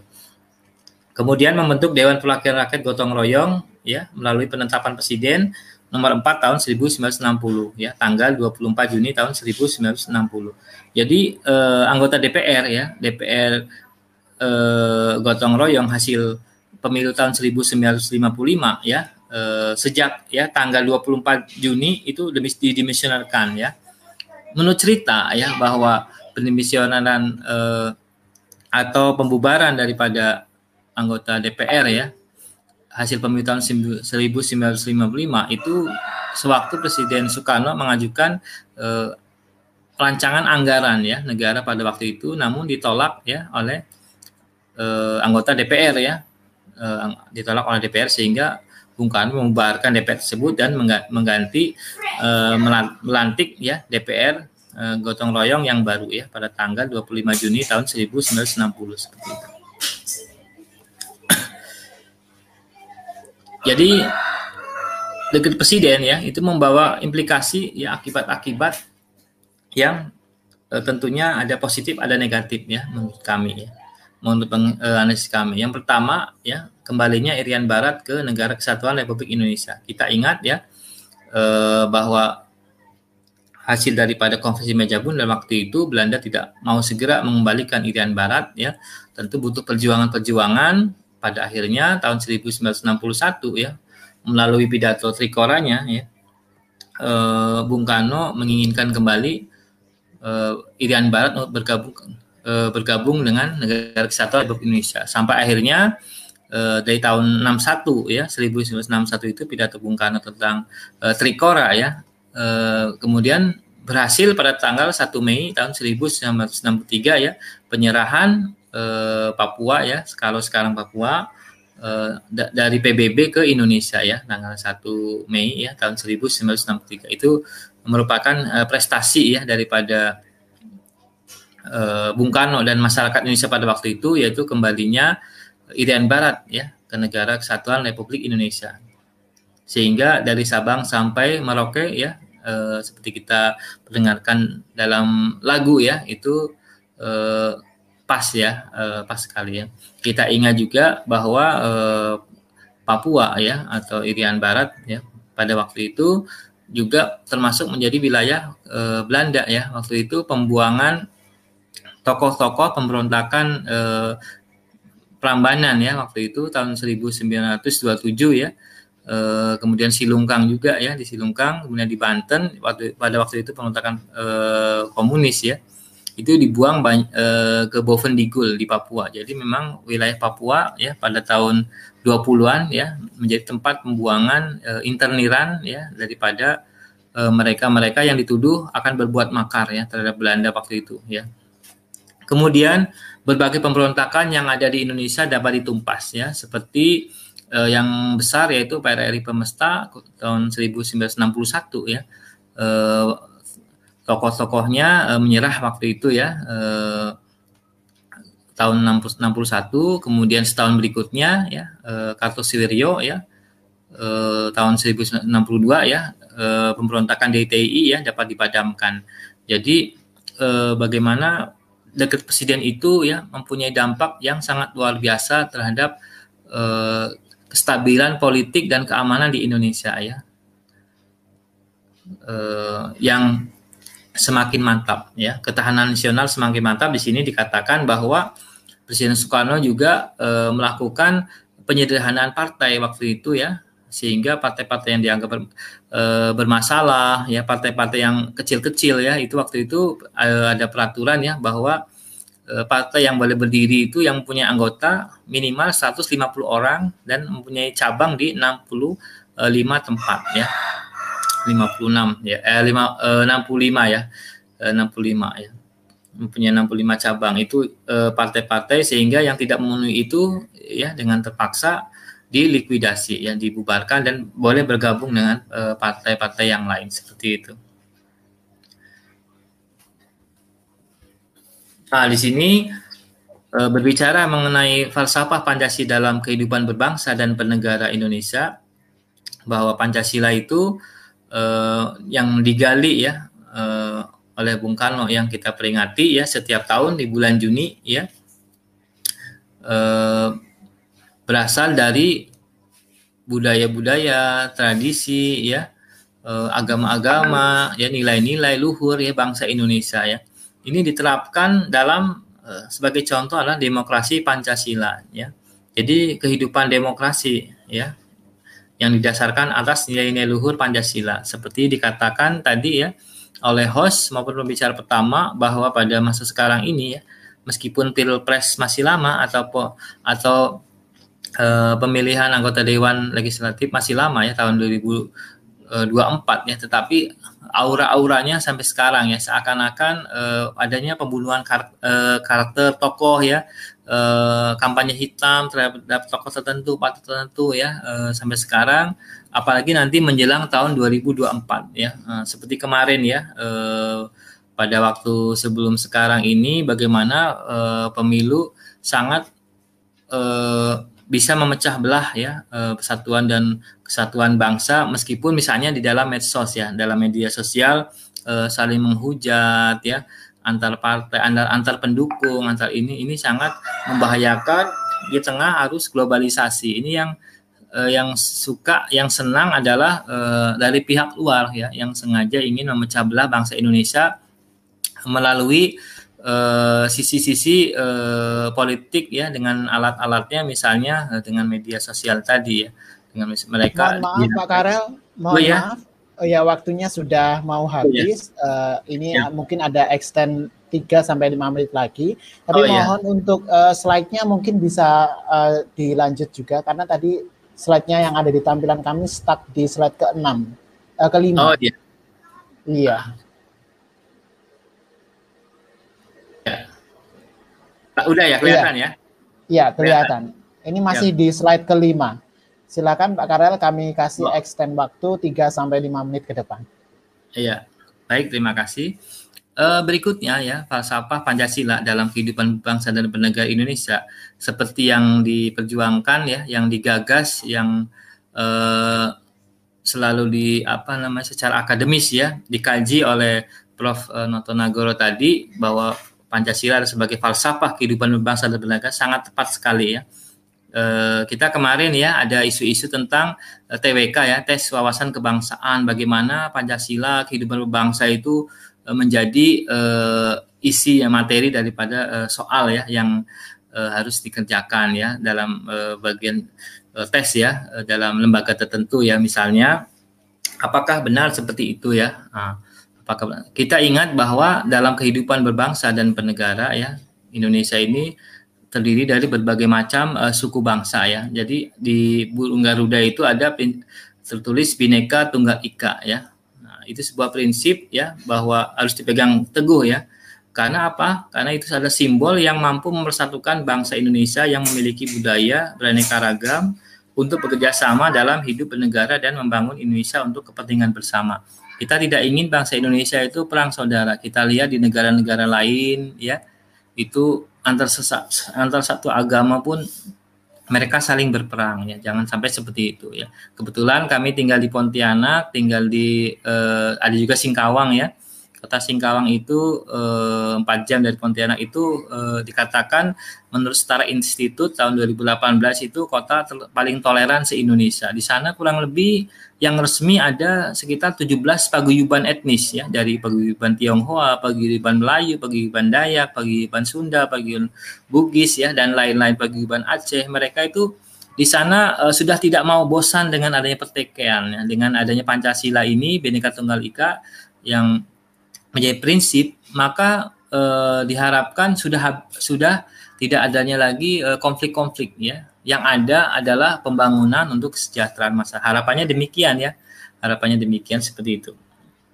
E, yang terakhir ya, tadi e, dalam film ini saya sempat e, menonton ya e, film ini bahwa bagus sekali ya e, Prof. Noto Nagoro ya mempunyai pemikiran bahwa Pancasila sebagai dasar negara Republik Indonesia ya. Sangat tepat sekali ya Prof. Noto Nagoro e, sebagai dokter pertama ya e, di filsafat ya di UGM uh, beliau mempunyai peran rupanya ya sebagai prasaran ya dalam seminar Pancasila yang dikatakan ya dihadiri oleh Bung Karno tadi ya menyampaikan pemikiran tentang kemungkinan jalan keluar dari kesulitan mengenai Pancasila sebagai dasar negara ya.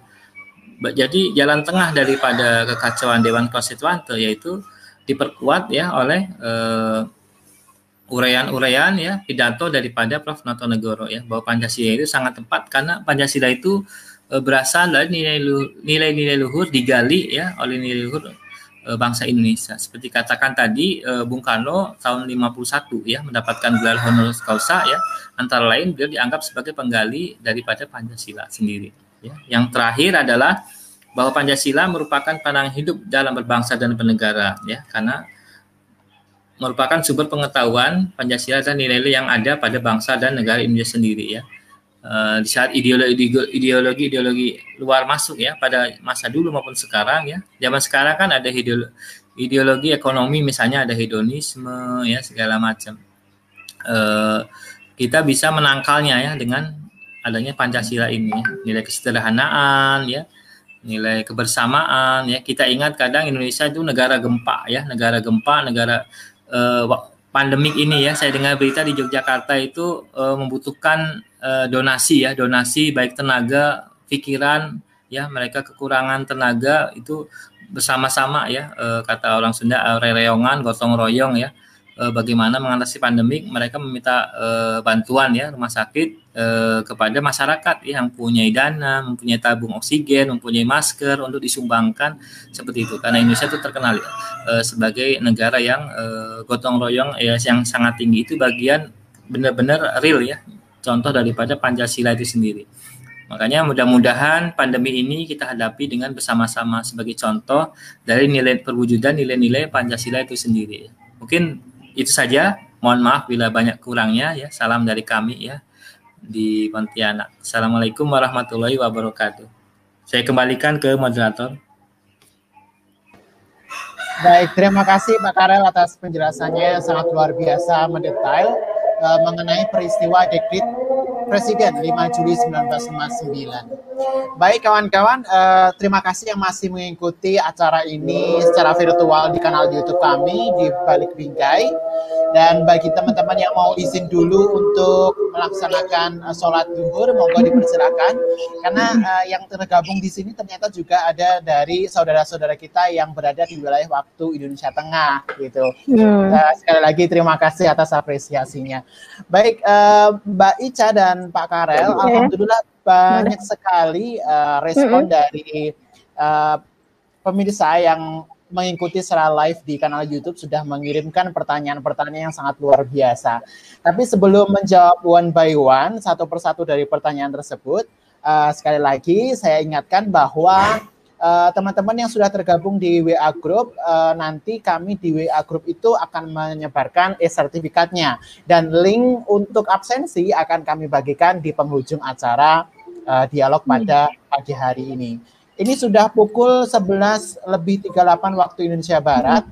Uh, kita akan berdiskusi membahas pertanyaan-pertanyaan dari kawan-kawan hmm. semuanya uh, sekitar 30 menit mendatang. Tapi sebelum itu, Mbak Ica dan Pak Karel, hmm. uh, kita mau sedikit tanya dan juga uh, sebagai ini ya, sebagai sosialisasi ke teman-teman tentang hmm. komunitas di balik bingkai dan oh, riwayat okay. itu. Hmm. Uh, mungkin saya mulai dari Pak Karel dulu deh. Hmm. Pak Karel yeah. ini ternyata juga aktif uh, dalam kegiatan literasi sejarah lokal. Jadi membumikan sejarah-sejarah lokal gitu ya. Karena beliau juga berbackground dari magister pendidikan, tentunya punya misi dong ya untuk uh, mensosialisasikan, membumikan nilai-nilai pendidikan secara lokal kepada generasi muda. Pak Karel, riwayat ini yeah. apa, Pak Karel? Uh, baik ya. Uh, jadi riwayat ini ya uh, adalah sebuah media ya aktualisasi uh, ke, uh, yang didirikan tanggal 17 Agustus ya tahun 1000 eh tahun 2020 ya tahun yang lalu. 2020 ya. Bulan, ya. Bulan depan itu ulang tahun eh, yang pertama ya rencananya eh, okay. di mana riwayat itu eh, alamatnya itu riwayat ID ya, riwayat.id ya, itu bisa diklik ya, di, eh, dibuka ya. Itu kita eh, pada awalnya ya di sini ada guru sejarah, ada dosen, ada mahasiswa juga anggotanya ya, e, pengurusnya, redaksinya, ada juga penulis e, buku, penulis sejarah ya. Bagaimana sih e, berangkat dari sejarah lokal di Kalimantan Barat khususnya yang tidak tersentuh ya atau belum tersentuh ya, baik oleh di, pihak-pihak di tingkat pusat ya. Ibaratnya kami memandangnya kalau di buku-buku paket yang diajari sekolah itu seakan-akan Jawa Jawa sentris ya dalam tanda hmm. kutip ya. Hmm. Walaupun sampai uh, sekarang sudah ada pembaruan uh, di buku-buku paket ataupun sejarah nasional Indonesia sudah uh, menampilkan sejarah dari berbagai uh, lokasi ya selain di Pulau Jawa uh, tentunya. Tetapi itu belum cukup karena untuk pembelajaran anak-anak uh, didik ya di SMA ya khususnya itu mereka perlu mengetahui uh, peristiwa situs-situs sejarah ya secara kontekstual di lingkungan mereka hmm. ya jadi uh, kita mengundang penulis-penulis ya. Uh, jadi ada dua ya, dua terbitan. Yang pertama uh, artikel yang untuk majalah ya di majalah uh, terbit setahun dua kali ya, uh, bulan Januari dan bulan Juni Juli ini ya. Kebetulan sebentar lagi uh, mau terbit yang bulan Juli uh, sudah ada kurang lebih 15 tulisan ya. Uh, nanti ya uh, para audien bisa ya, mengirimkan artikel ya, di situ ada ketentuannya ya, sehingga bisa dimuat ya di majalah kami ya, eh, majalah majalah itu. Harapannya menjadi referensi bagi sejarah bagi, bagi siswa ya, bagi mahasiswa ya untuk sejarah ya, eh, membaca sejarah literatur sebagai literatur eh, sejarah lokal eh, Kalimantan Barat khususnya dan Indonesia umumnya. Sebagaimana kita ketahui bahwa Indonesia itu pernah ada penelitian eh, peringkat ke-69 ya dari 70 eh, negara yang disurvei tingkat membacanya ya. ya. Yang terakhir itu negara Zimbabwe kalau tidak salah. Uh, jadi kita nomor dua paling terakhir uh, masyarakat Indonesia yang uh, yang membaca rajin membaca ya dikatakan. Jadi kita juga ingin meningkatkan uh, literasi ya agar uh, masyarakat generasi muda khususnya itu uh, suka membaca ya seperti itu. Jadi seperti itu ya, uh, Mas Baihaki ya bahwa ya.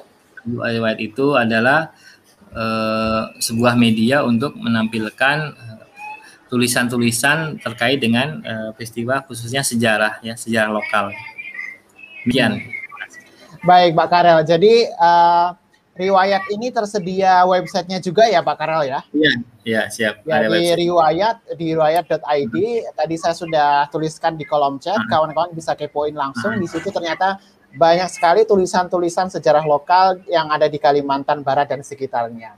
Luar biasa apresiasi untuk ya. uh, Pak Karel dan kawan-kawan di riwayat.id. Dan ini Mbak Ica, di balik bingkai ini sebenarnya komunitas yang fokus di bidang apa saja atau memang hanya di seputar perfilman atau dokumenter?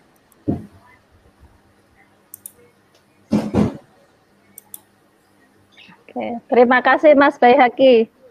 Uh, di balik bingkai ini sebetulnya uh, teman-teman bisa juga sih melihat siapa sih di balik bingkai itu bisa kunjungi website kami ya, di balikbingke.org. Uh, kalau karya-karya kami, apa yang sudah dilakukan oleh teman-teman di Balik Bingkai bisa dicek uh, ya, dilihat di YouTube di Balik Bingkai. Gitu ya. uh, agenda-agenda kami apa saja, mungkin bisa follow juga IG kami di Balik Bingkai.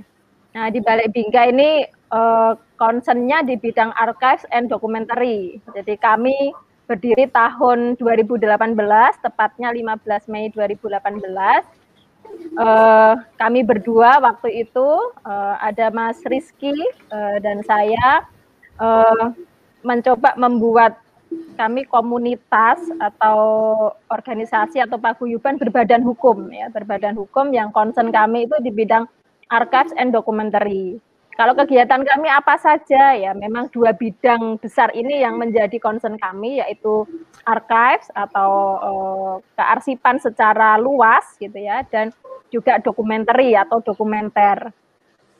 Kami merekam uh, merekam uh, informasi, merekam peristiwa gitu ya dengan melalui dokumentasi dan kami juga menyajikan publikasi berbasis hasil rekaman kegiatan dan juga arsip tadi menjadi dokumenter. Nah, ada beberapa film yang sudah kami produksi. Uh, ada film tentang Pancasila Kampung, itu film pertama kami. Ada film Orang Serayu, ada Nah ini tot, uh, pas dengan uh, saat kita saat ini uh, di awal pandemi itu kami juga membuat dokumenter tentang bukan garda depan ya mungkin itu bisa menjadi refleksi kita menghadapi pandemi dan terakhir kemarin kami membuat dokumenter tentang sejarah dokumenter tentang sejarah uh, Dokter Wahidin ini adalah bagaimana seorang dokter ya yang kemudian uh, mendedikasikan uh, hidupnya untuk uh, membangun kebangsaan ini itu beberapa karya kami. Uh, kemudian kegiatannya dulu hmm. sebelum pandemi kami biasanya itu uh, membuat apa? Ada pelatihan gitu ya, pelatihan secara langsung. Uh, kami memberikan pelatihan di Karang Taruna, di PMI, uh, kemudian untuk pelajar-pelajar di DIY bekerja sama dengan Pusat Studi Pancasila gitu ya dan juga acara diskusi Nobardap ini ya, seperti yang kita daring hari ini, ini sebenarnya adalah acara yang sudah berjalan dua tahun yang lalu, tapi berjalannya kita luring, kita ketemu, kadang kita kolaborasi dengan uh, mahasiswa gitu ya, kita dari kampus ke kampus acaranya gitu. Uh, sejak pandemi di 2020 itulah kami uh, mengubah be beberapa agenda, ya terpaksa harus daring. Pelatihan, uh, kami juga uh, sempat beberapa kali model uh, seperti kemah audiovisual itu sampai kita selenggarakan dua kali, uh, dua kali secara luring dan satu kali daring. Ini kegiatan-kegiatan uh, yang sudah kami lakukan. Kalau concernnya ya tadi kita concernnya di bidang archive and documentary. Jadi uh, kami melakukan produksi dokumenter, kami memberikan pelatihan di bidang kearsipan dan uh, produksi audiovisual dan juga diskusi-diskusi ya, berbagi melalui diskusi, melalui nobar, beda film. Mungkin itu Mas Bayhaki sekilas tentang di balik bingkai. Terima kasih. Ya, itu tadi kawan-kawan uh, penjabaran dari komunitas riwayat.id dan juga di balik bingkai. Kawan-kawan semua yang tertarik untuk berkolaborasi di bidang di bidang interest tersebut, silahkan bisa langsung kontak Pak Karel ataupun Mbak Ika-nya ya. Hmm. Baik kawan-kawan okay. semuanya, kita akan menuju ke sesi tanya jawab atau diskusi. Hmm. Uh, saya sudah mengantongi beberapa pertanyaan yang hmm. saya catat. Yang pertama Ya, ini ada kita mulai ke Mbak Ika dulu aja mungkin ya. Okay. Ini pertanyaan dari Rizky Aditya. Hmm. Oh ya, mungkin ini ke Pak Karel aja dulu. Mbak Ika hmm. mungkin bisa uh, memute-kan speakernya agar apa suara Adan mungkin tidak mendominasi forum ini. Oke. Okay. Ke Pak Karel dulu aja ya. Halo Pak Karel. Ya, siap. Oke, siap. siap. Nah, ini Pak Karel ada pertanyaan dari Rizky Aditya. Jadi, otoritarisme terkadang diperlukan untuk menjaga ketertiban dan kestabilan negara. Nah, ini mungkin juga uh, pertanyaannya nyambung dengan Ane Yulianti. Kebijakan yang bersifat darurat untuk menyelamatkan negara sah-sah saja, tapi harus ada kontrol dari DPR juga agar tidak ada tindakan yang sewenang-wenang dari segelintir orang yang mempunyai tujuan. Dan lanjut ke komentar dari Retno Wiji. Mohon izin bertanya, uh, Mas Karel, apa arti pentingnya Dekrit Presiden 5 Juli 1959 bagi tantanan pemerintah Indonesia? Adakah korelasinya dengan terbentuknya demokrasi terpimpin? Nah, mungkin bisa dijawab dulu.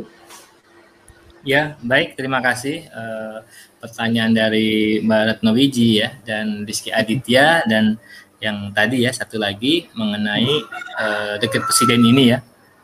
Yang terakhir dulu ya bahwa arti penting dekat presiden bagi tatanan pemerintahan Indonesia ya pada waktu itu uh, masyarakat Indonesia ya baik di tingkat bawah maupun tingkat atas itu uh, mengalami semacam uh, pikiran yang membingungkan ya. Bagaimana sih dia saat kondisi ekonomi tadi ya yang belum stabil kemudian ada wabah cacar ya kemudian adanya uh, infrastruktur yang belum lengkap ya yang mengalami kerusakan akibat perang ya pada masa penjajahan yang belum uh, apa pulih kembali ya. Itu ada permainan-permainan di tingkat elit ya yang dikatakan bahwa mereka itu lebih mementingkan kepentingan partai-partai sendiri ya. Jadi eh, bukan hanya masyarakat bawah saja ya, bahkan yang mempunyai peranan ya, eh, mempunyai jabatan juga merasa gerah ya. Terbukti dengan adanya pemberontakan-pemberontakan tadi ya, pemberontakan eh, di daerah ya, eh, yang merasa tidak puas dengan uh, pemerintahan pusat ya katakanlah tidak semuanya tidak semua orang di pemerintahan pusat tapi orang-orang tertentu yang katakanlah tadi ya sampai sidang konstituante saja sudah empat tahun gagal ya. Uh, sudah sidang berkali-kali. Bahkan uh, Presiden Soekarno ya uh, sewaktu Prof. Notonegoro ya uh, melakukan inisiasi seminar Pancasila kemudian tanggal 22 April ya tahun 1959 Bung Karno juga uh, menyatakan ya bahwa uh, perlu kembali kepada Undang-Undang Dasar 1945 eh, ya. Waktu itu Dewan Konstituante meresponnya dengan melakukan sidang sampai tiga kali ya. Sidang tiga kali itu sidang tiga kali dari bulan April ya, di April sebelum eh, bulan Juli itu tiga kali itu uh, sudah ada keputusan ya, keputusan bahwa uh, Pancasila ya Pancasila yang akan menjadi dasar negara ya ibaratnya. Cuman waktu itu karena belum ada uh, yang mengikuti sidang tersebut uh, belum ada mencapai dua per tiga ya dari anggota Dewan Konstituante sehingga tidak berhasil ya tidak berhasil ya. Kita ingat ya dalam permainan politik kan kalau uh, voting voting ya uh, setelah musyawarah mengalami deadlock voting voting itu sengaja biar anggota uh, tidak capai mufakat misalnya uh, tidak tercapai apa uh, voting itu dinyatakan sah uh, sampai tidak hadir dalam sidang voting tersebut ya melakukan boykot dan lain-lain sehingga waktu itu Bung Karno e, mengeluarkan dekret presiden ya membuarkan Dewan Konstituante yang e, hasil lainnya yaitu mengembalikan Undang-Undang Dasar 1945 ya menjadi e, landasan kita bernegara ya sebagai undang-undang e, dasar sementara ya digantikan ya. Kenapa harus diganti ya? Karena terkait ya kalau Undang-Undang Dasar 1945 ya itu eh, kekuasaan itu eh, berada di kedaulatan itu berada di tangan rakyat. Ya waktu itu Bung Karno mah, eh, mengkonsepsikannya bahwa kedaulatan rakyat itu dengan demokrasi terpimpin ya waktu itu. Ya sebagai pengganti daripada demokrasi parlementer. Jadi pak pada awalnya pada masa demokrasi parlementer di saat banyak partai tersebut ya eh, yang kabinet silih berganti itu Bung Karno selaku kepala negara hanya sebagai simbol ya sebagai simbol saja, tapi dia tidak menjalankan pemerintahan. Maka Bung Karno waktu itu e, mengangkat dirinya ya, bahkan tahun 1963 e, e, bagian daripada demokrasi terpimpin ya tahun 63 ya. E, jadi kurang lebih empat tahun setelah dekret presiden beliau e, melalui tetap ditetapkan oleh MPRS sebagai presiden seumur hidup ya presiden seumur hidup ya karena keyakinannya tadi bahwa bangsa Indonesia pada waktu itu ya, ya itu harus uh, terpimpin ya uh, terpimpin untuk mencapai apa? Kestabilan politik sehingga berkeyakinan pada waktu itu bahwa untuk mensejahterakan rakyat ya maka bangsa Indonesia itu harus ada yang memimpin ya sistemnya terpimpin waktu itu ya. Seiring berjalannya waktu nanti bisa ada pembahasan berikutnya ya diskusi berikutnya kenapa muncul orde baru ya orde baru sehingga Bung Karno waktu itu e, dikatakan sampai demokrasi terpimpin tahun 1965 ya. E, karena ada kebijakan-kebijakan luar negeri ya terutamanya e, bagaimana kedekatan Bung Karno dengan e, kaum komunis ya sehingga e, menggulingkan e, beliau melengsarkan ya kudeta merangkak ya terhadap Bung Karno sehingga beliau e, sejak tahun 65 itu kekuatannya sudah berkurang gitu. Jadi seperti itu. Jadi ada korelasinya ya. Dan dan deket presiden ini sangat waktu itu ya pada waktu itu uh, menurut kami sendiri uh, sangat penting ya sebagai masa transisi sebagai bagian daripada uh, bagaimana menyelamatkan bangsa ya daripada perpecahan waktu itu ya perpecahan. Uh, kita ingat banyak juga pemberontakan uh, misalnya di DITI ya uh, kemudian Peri Mesta dan lain-lain sebagainya yang uh, bisa membuat uh, disintegrasi bangsa ya waktu itu Papua atau uh, Irian Barat waktu itu aja belum bergabung dengan Indonesia malah daerah-daerah lain ingin uh, memisahkan diri ah itu menjadi ini menjadi sebuah masa tersendiri. Kita ingat Bung Karno sejak awal karirnya di dunia politik ya, sejak muda ya, sejak lulus dari uh, ITB ya, beliau mendirikan PNI ya, uh, kemudian beliau lebih suka kepada uh, bagaimana Bung Karno ini menyatukan ya, menyatukan berbagai uh, ideologi yang ada di Indonesia. Maka muncullah istilah waktu itu tahun 60-an uh, Nasakom ya.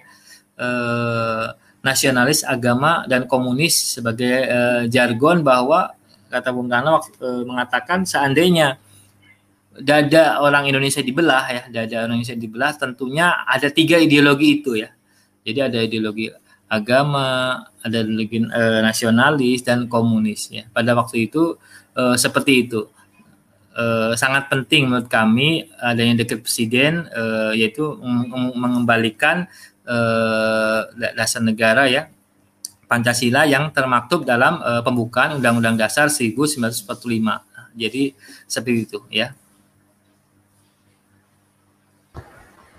Baik Pak Karel, jadi memang ada korelasinya ya. Mungkin eh, momen dekret Presiden 5 Juli 1959 itu sebagai bentuk ketegasan Soekarno ya sebagai bapak bangsa yang pada waktu itu istilahnya sedang ngemong bangsa yang baru lahir gitu. Yeah. Nah, terima kasih kawan-kawan yang sudah melemparkan pertanyaan kepada kami di diskusi ini. Pertanyaan selanjutnya ini kemudian mungkin sebagai pernyataan simpulan ya ini dari ini Nengah Astiti Bakti. Jadi apa betul dekret Presiden 5 Juli 1959 sebagai momentum Pancasila sebagai dasar negara? Ya. Gimana Pak Karo? Ya, baik sekali ya. Jadi eh, bagus sekali ya.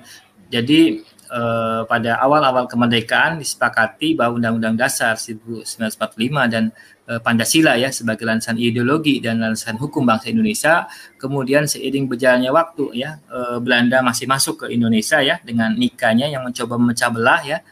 Eh, kemudian eh, akibatnya apa? Tentunya dengan adanya pecah belah tersebut maka ideologi-ideologi dari Barat itu yang liberal itu juga masuk ya masuk. Jadi seakan-akan uh, para tokoh ini uh, para pemimpin bangsa ini uh, agak terkom terkontaminasi ya terkontaminasi menurut kami sih terkom uh, terkontaminasi ya kembali oleh uh, masuknya ideologi Barat ya. Uh, karena waktu itu setelah Indonesia merdeka uh, Belanda juga sampai tahun 49 masih di Indonesia ya jadi mereka juga tidak rela. Seandainya uh, Indonesia itu secara apa ke depannya uh, menjadi negara uh, sebuah bangsa yang uh, berdiri dengan tidak apa dengan mudah secara mudah tentu mereka membuat uh, adu domba kembali ya. Nah pada akhirnya uh, RIS tadi ya uh, membentuk RIS ya kemudian dibubarkan tetapi uh, dalam pembubaran tersebut uh, masih ada Undang-Undang Dasar 1900 uh, Undang-Undang Dasar uh, sementara ya uh, tahun yes. 1950 itu ya. Nah, itu yang eh, di dalamnya itu ada eh, ada sistem eh, pemerintahan yang bersifat parlementer ya, parlementer atau liberal ya, itu yang dicoba pada waktu itu. Sehingga eh, pada waktu itu eh, tokoh bangsa ya, para pemimpin bangsa itu eh, memaklumi bahwa terjadi transisi dan menghendaki bahwa akan diselenggarakannya pemilu yang uh, akan membuat uh, menetapkan undang-undang dasar uh, bagi bangsa Indonesia ya. Pada akhirnya pemilu itu ya tahun 55 itu yang membentuk uh, Dewan Konstituante ya pada bulan Desember yang bersidang selama empat tahun mengalami kegagalan yang pada akhirnya tahun 1959 ya karena uh, kalau dibiarkan lama ya Dewan Konstituante bersidang ya maka eh, jangankan kestabilan ya, nasi Pancasila sendiri itu mungkin semakin dilupakan. Maka tadi ya, hmm. ya pentingnya Prof. Noto Nagoro itu selalu ini Pancasila filsafat, Pancasila menggali ya.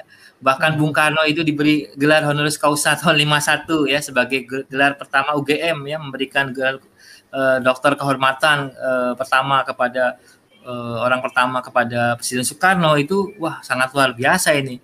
Entah kalau nggak ada dekat presiden tuh seperti apalah ya ibaratnya ini. Kelanjutan Pancasila. Meskipun ya pada akhirnya terjadi gerakan uh, apa uh, Bung Karno dalam perjalanan waktu tadi ya ada penyimpangan. Misalnya uh, mengangkat presiden uh, seumur hidup tahun 63 yang bagi beberapa orang dianggap uh, itu menyalahi ketentuan ya ketentuan bahwa kita bukan negara yang benar-benar murni otoritarian bukan sebuah kerajaan. Jadi seakan-akan seumur hidup kan seperti itu. Itu juga perlu diskusi lagi. Uh, jadi uh, Pancasila itu menjadi momentum ya momentum uh, untuk uh, kembali ya diingat ya diimplementasikan uh, kepada elit politik ya. Tidak semuanya kepada elit politik yang uh, ngotot bahwa uh, mereka ingin memasukkan sebagai misalnya eh, apa namanya komunis ya kemudian yang unsur-unsur agamis ya mencoba ya mencoba masuk ya. Tetapi dengan ada dekret ini eh, yang menyatakan bahwa Pancasila ya sebagai eh, dasar ya eh, dasar ideologi eh, bangsa Indonesia ya. Syukur-syukur adanya dekret presiden ini ya mengembalikan itu. Ya kalau tidak ya tiga tadi ya. Berarti Indonesia bisa jadi negara komunis ya, hmm. ya karena kan kelompok. Yang menang kan tiga kelompok yang paling getol kan tiga tadi ya. Ya hmm, kita sih hmm, tidak ini ya tidak bicara sesuai fakta saja lah misalnya kan. Kalau seandainya waktu itu yang menang kelompok komunis ya udah, ya kan. Nah, nasib Pancasila bagaimana? Nah gitu ya. Jadi Bung Karno berperan waktu itu dengan Prof. Noto Nagoro dengan inisiasinya eh, dan eh, sebagai tambahan rupanya Bung Karno eh, selain apa setelah mendapat gelar honoris causa tersebut, beliau juga sering uh, datang ke Yogyakarta. Itu melakukan uh, kursus singkat tentang Pancasila ya Pancasila ya. Jadi setelah diberi gelar honor uh, honoris causa doktor itu beliau sering ke sana. Bahkan katanya dikatakan pesertanya sampai 400-an orang. Setiap kali datang tuh ratusan orang datang ya. Jadi memang Bung Karno tuh suka dengan Pancasila. Memang penggali Pancasila. Dan klop dengan Prof. Noto Nagoro ini ya. Pancasila keduanya dibawa pas ketemu dengan anggota Dewan Konstituante tentunya yang kelompok nasionalis ini yang mengusung Pancasila sebagai ideologi negara. Jadi tentunya dekret, dalam dekret presiden uh, lebih memilih kepada Undang-Undang Dasar yang awal ya, yang tahun 1945 yang menetapkan uh, Pancasila sebagai Pancasila. dasar ideologi negara gitu. Itu uh, ber, berkat jasa Bung Karno, Prof. Noto Nagoro dan lain-lain, UGM juga ya, yang dan para insan Pancasilais waktu itu ya uh, yang sehingga Pancasila pada zaman sekarang ya uh, menjadi uh, falsafah kehidupan berbangsa dan negara. Enggak tahu kepada zaman sekarang kalau digempur dengan globalisasi ini ideologi lain masuk Pancasila bagaimana ya. Uh, ya. Mungkin perlu dekret yang lain nanti seandainya udah kritis Indonesia uh, perlu dekret yang lain tapi semoga tidak. Dekret Pancasila hmm. apa dekret Presiden 5 Juli 59 itu adalah dekret yang terakhir ya, dekret terakhir pertama dan terakhir di Indonesia untuk uh, mempertahankan ideologi Pancasila itu ya sampai mati-matian ya. Mungkin itu ya. Jadi iya. Eh, terima kasih Pak Karel. Jadi uh, ini ya apa dekrit Presiden 5 Juli 1959 ini ibaratnya adalah sebagai momen uh, untuk mengakhiri perdebatan panas yang sepertinya tak ya. kunjung selesai di masa itu yeah. bahwa hmm. yang sebenarnya yang kita tuju dan kembali itu adalah Pancasila seperti itu. Pancasila, dan betul. di sini uh, peran uh, hmm. Dr. Notonegoro ya sebagai apa ya sebagai think tanknya Pancasila hmm. pada waktu itu untuk uh, membisikkan kepada Soekarno bahwa sebenarnya apa pun yang kamu perdebatkan pada waktu itu tentang negara Indonesia sebenarnya ya harus kembali kepada Pancasila yeah. itu sendiri. Ya itu betul. Terima kasih Pak Karel. Nah, kita ya. berlanjut, ya kita berlanjut ke pertanyaan selanjutnya yang mungkin ini okay. ditujukan ke Mbak Ica.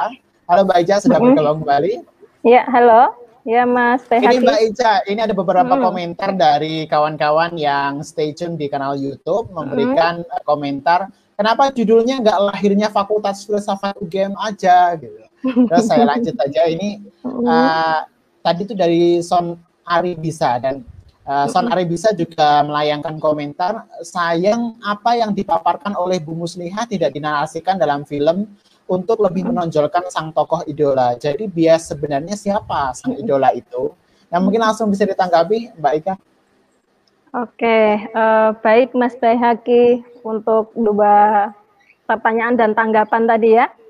uh, terkait dengan film kok judulnya tidak berdirinya Fakultas Filsafat saja gitu ya. Kenapa kok sang idola gitu? Uh, mungkin ini saya mengajak eh, teman-teman uh, yang ada di forum ini bahwa sebenarnya film itu kan karya seni ya. Jadi bagaimana kami mencoba membuat sebuah karya seni, tetapi di mana karya seni ini kami bawa menjadi literasi.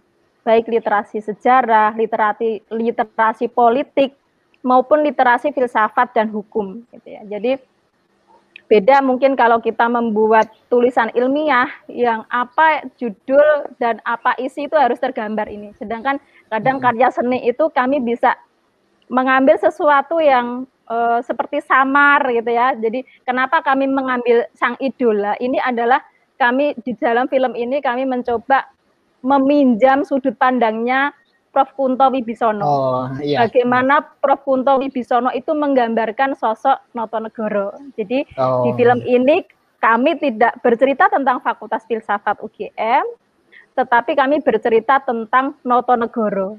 Cara kami bercerita, kami meminjam sudut pandang uh, artis di dalam film ini. Artis di dalam film ini adalah Prof. Kunto Wibisono dan istrinya. Menurut Prof. Kunto, dalam hidupnya, sepanjang hidupnya, beliau itu mengidolakan Prof. Noto Negoro. Sehingga kami mengatakan, ini sang idola, ini adalah idola. Idola siapa? Idolanya Prof. Kunto Wibisono, dan sepertinya juga patut menjadi idola kita semua. Kita idola semua. dalam hal mengambil keteladanan. Nah, itu mungkin uh, kenapa judulnya kok uh, tidak filsafat, uh, tidak ini, tapi kami mengambil sang idola. Uh, jadi memang ini uh, kami mencoba ya seni, uh, seni itu kadang uh, kami me mengambil ya seperti puisi itu kan ada yang apa ya judulnya mungkin justru tidak seolah-olah tidak menggambarkan apa isinya gitu ya. Kiasan, kata kiasan itu pertama. Kemudian kok narasinya tidak semuanya masuk di dalam film tadi ya. Kalau di paparan ketika saya menyampaikan di awal tadi, memang tidak semua informasi bisa kami sajikan di dalam film. Ketika membuat sebuah film dokumenter, eh, dalam riset itu kami menemukan banyak hal. Tetapi apa yang ingin disajikan di dalam film, kami harus eh, membatasi. Apa yang membatasi kami? Kami juga dibatasi dengan durasi Coba sekarang kalau kita menonton sesuatu lebih dari 20 menit gitu kita sudah oh capek deh gitu ya. Orang lebih suka nonton yang durasi 10 menit, 15 menit, kadang malah mintanya 3 menit, 5 menit. Bagaimana harus menyampaikan sebuah kajian yang sangat luas, sangat dalam dalam durasi yang pendek. Bicara dekrit presiden aja Pak Karel tadi udah setengah jam lebih.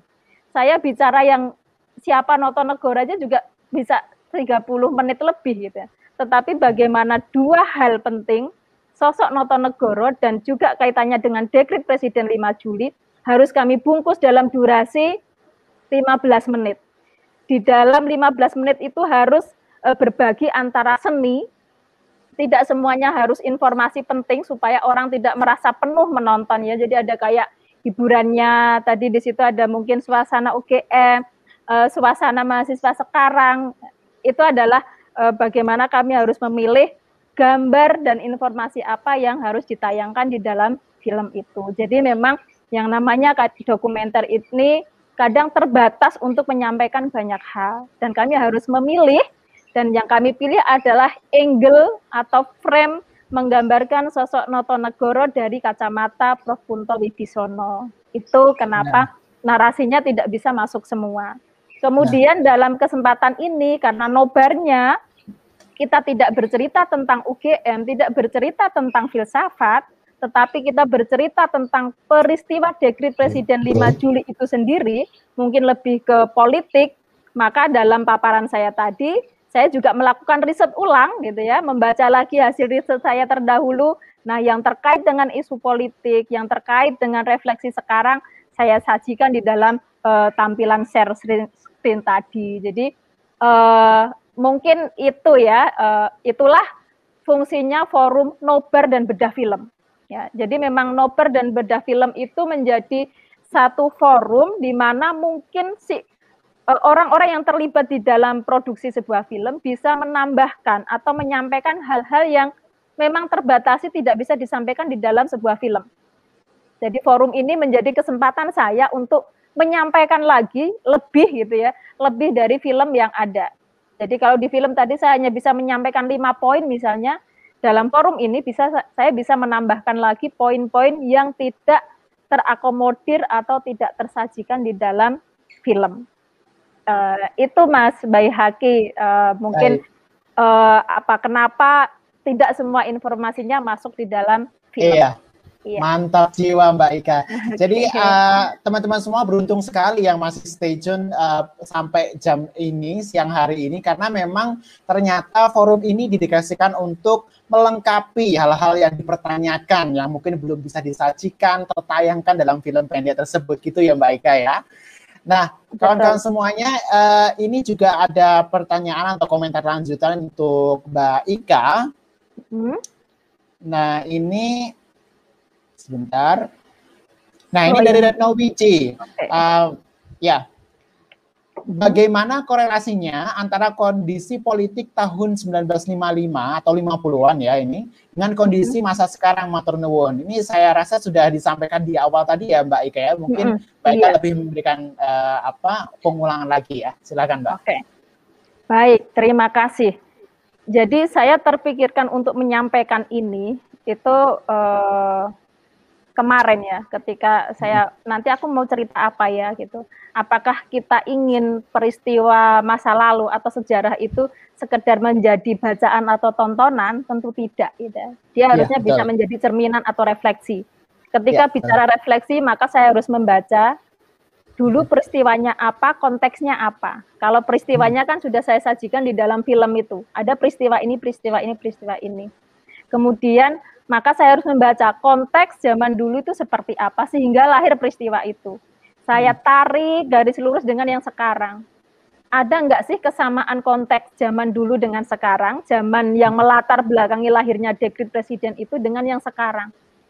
Uh, saya menemukan uh, dalam tadi, uh, saya mencoba membaca, juga merasakan dalam tiba-tiba terjadi pengetatan gitu ya, orang hanya di rumah gitu, kok gelisah ya, ada cemas, ada takut, oh ternyata hampir sama gitu. Kesamaan yang saya temukan tadi, uh, sudah saya sampaikan di depan tadi ya, ada tiga hal.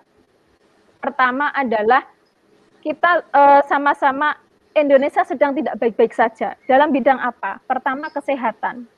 Kalau uh, di tahun 59 ya, dari 5 7 sampai 59 ini waktu itu bangsa Indonesia sedang fase recovery. Fase penyembuhan atau fase e, menata kembali setelah menghadapi badai pandemi pes dan cacar ya. Jadi e, waktu itu tahun 60-an itu kita masih e, bingung soal produksi vaksin ya. Kemudian artinya kesehatan masyarakat itu menjadi satu kebutuhan yang penting dan waktu itu kita juga kehilangan jumlah penduduk yang begitu besar akibat pandemi. Itu. Jadi kita sama-sama di fase yang menghadapi tantangan kesehatan karena pandemi. Kalau 59 pasca pandemi, kalau sekarang kita sedang berada di tengah-tengah fase pandemi. Kemudian yang kedua, kita sama-sama menghadapi problem tentang politik. Kalau di tahun 59 kita menghadapi problem politik pasca pemilu, pasca pemilu 55 yang tadi disampaikan Pak Karel juga berdasarkan bukti-bukti arsip yang kami temukan bagaimana antara nasionalis, agamis dan PKI ini satu ke, eh, tiga kekuatan besar yang eh, saling tarik ulur ya. Menemukan kompromi politik itu ternyata tidak mudah. Mudah. Nah, kalau saat ini kita malah berada di dua konflik pasca pemilu, pemilihan presiden tahun lalu sampai sekarang itu masih ada luka gitu. Ya. Saya katakan cebong kampret itu kayak nggak akur-akur sampai sekarang. Dan kita masih mulai panas lagi menghadapi 2004. Pemilu 2004 ini uh, 2024 itu udah panas sekarang ya. Sudah mulai tarik ulur partai, sudah mulai ya gesekan-gesekan itu ada. Kadang saudara menjadi agak renggang karena beda pilihan politik. Jadi sama-sama konflik politik itu dihadapi. 59 pasca pemilu, kalau sekarang kita pasca dan akan. Kita terhimpit di tengah konflik. Luka masa lalu belum sembuh, sudah akan uh, konflik ke depan lagi di tahun 2024. Kemudian ada kesamaan tentang krisis ekonomi. Tadi Pak Karel juga mengatakan hutang negara itu udah banyak sekali. Kalau dulu uh, hutang negara tinggalan kolonial banyak, sekarang hutang negara kita itu juga banyak. Yang dulu belum selesai ditambah hutang untuk pandemi. Ya, itu krisis ekonomi karena hutang negara. kemudian krisis ekonomi karena pertumbuhan ekonomi yang melambat, bahkan minus. Karena konstituante yang nggak beres-beres, yang bongkar pasang, bongkar pasang, nggak ada stabilitas politik, nggak ada stabilitas keamanan, maka pertumbuhan ekonomi menjadi melemah. Sekarang pertumbuhan ekonomi kita juga minus. Karena apa? Karena pandemi. Terpaksa semua harus tutup, PHK terjadi di mana-mana gitu ya. Jadi eh, suasana kebatinannya itu rasanya hampir sama di tahun 59 dengan sekarang. Sama-sama menghadapi masalah kesehatan, sama-sama menghadapi masalah politik, dan sama-sama menghadapi masalah ekonomi. Mungkin itu Mas Baihaki. Terima kasih Mbak Ika atas penjelasannya. Memang sangat uh, mungkin jiwa zamannya sangat berbeda, tapi ya itu tadi suasana kebatinannya mungkin saja mirip dengan apa yang kita rasakan saat ini. Dan pastinya uh, kalau dulu bangsa kita di tahun 50-an bisa melewati itu semua, bisa mengatasi uh, krisis-krisis multidimensi itu dengan baik. Tentunya saat ini uh, seyogianya kita juga pasti bisa karena kita sudah berpengalaman di uh, apa tahun-tahun lalu tentang setting uh, kondisi bangsa yang seperti ini. Dan ya seperti kita harapkan bersama kita semuanya nantinya bisa menghadapi pandemi ini dengan uh, sekuat-kuatnya dan semoga saja situasi ekonomi maupun politik negara kita lekas membaik kembali. Baik kawan-kawan semuanya, itu tadi uh, acara bedah film dan juga diskusi film Nobar Sang Idola persembahan di balik bingkai yang pada kesempatan kali ini spesial memperingati uh, dekrit Presiden 5 Juli 1959. Dan kawan-kawan semuanya, uh, atau mungkin ada pertanyaan kembali, sepertinya sudah tidak ada ya. Dan sebagaimana yang telah kami informasikan di line chatting bahwa materi slide akan kami bagikan di WhatsApp group, jadi pastikan kawan-kawan semuanya sudah tergabung di sana. Materi uh, eh, PPT dan juga e-sertifikat akan kami bagikan lewat WhatsApp grup masing-masing nanti. Baik Pak Karel uh, dan Mbak Ika mungkin ada closing statement mengenai uh, momen 5 Juli hari ini yang kita peringati sebagai Dekret Presiden 1959. Ya. Pak Karel dulu mungkin silakan. Ya, baik terima kasih. Uh, mohon izin Ibu ya. Ica ya, Ibu Ika dan Mas Bayhaki uh, dan para audien yang tetap setia uh, menyaksikan uh, live di kanal YouTube ini ya. Uh, dalam uh, peringatan peristiwa Dekret Presiden 5 Juli tahun 1959, marilah kita mengenang peristiwa sejarah 62 tahun yang lalu sebagai momentum ya bahwa kita patut menghayati kembali ya kembali kepada Pancasila sebagai dasar negara ya Pancasila sebagai ideologi ya kehidupan berbangsa dan bernegara ya Eh, Pancasila itu bukan agama ya. Eh, Pancasila bukan ke agama atau keyakinan kita kepada Tuhan, tetapi eh, Pancasila sebagai nafas atau sebagai falsafah dalam kita kehidupan bernegara, berbangsa dan bernegara. Ya, karena Indonesia itu terdiri dari berbagai macam suku bangsa, etnis dan juga agama ya. Harapannya Pancasila ini semakin membumi ya di Indonesia menjadi tonggak, menjadi modal pembangunan ya dari Sabang sampai Merauke ya. Dari Aceh sampai Papua, marilah kita bangun bersama-sama bersemangatkan dengan uh, Pancasila ya sebagai landasan ideologi kita ya. Zaman boleh berganti ya, globalisasi boleh berjalan ya, tetapi Pancasila jangan hilang ya. Harus tetap di hati uh, kita orang-orang Indonesia baik generasi muda, generasi sekarang maupun generasi yang akan datang. Demikian, terima kasih kasih Pak Karel. Dan Mbak Ika silakan closing statementnya untuk acara pagi hari ini. Oke, baik. Uh, terima kasih. Kalau saya mungkin begini ya, uh, apa pun yang kita hadapi saat ini, apa pun yang kita alami saat ini, baik hal yang menyenangkan maupun uh, meresahkan, ya, khususnya mungkin saat ini kita berada di fase atau di zaman yang ketenangan kita terusik, kenyamanan kita terusik, baik tadi masalah kesehatan, masalah politik, masalah ekonomi, kita semua menghadapinya, entah kita sebagai rakyat kecil maupun sebagai penguasa dengan profesi kita apa pun, kita sama-sama sedang terhimpit di tiga persoalan tadi. Mungkin kita bisa mengambil teladan dari uh, Prof. Noto Negoro tadi bahwa beliau adalah orang yang tenang, nah, sosok yang tenang, sosok yang cerdas, sosok yang teguh. Mungkin kita bisa mengambil ketenangan itulah yang akan menyelamatkan kita, ketenangan itulah yang akan menyembuhkan kita. Jadi eh, mari kita sama-sama mencoba memperkuat ketenangan batin kita dan juga mengasah ketajaman batin kita supaya kita semua bisa selamat, uh, bisa uh, apa ya melewati uh, masalah yang sedang kita hadapi saat ini dan bisa bertahan terus. Gitu ya. Mungkin itu Mas Baihaki. Terima kasih. Baik terima kasih banyak atas closing statement yang sangat luar biasa.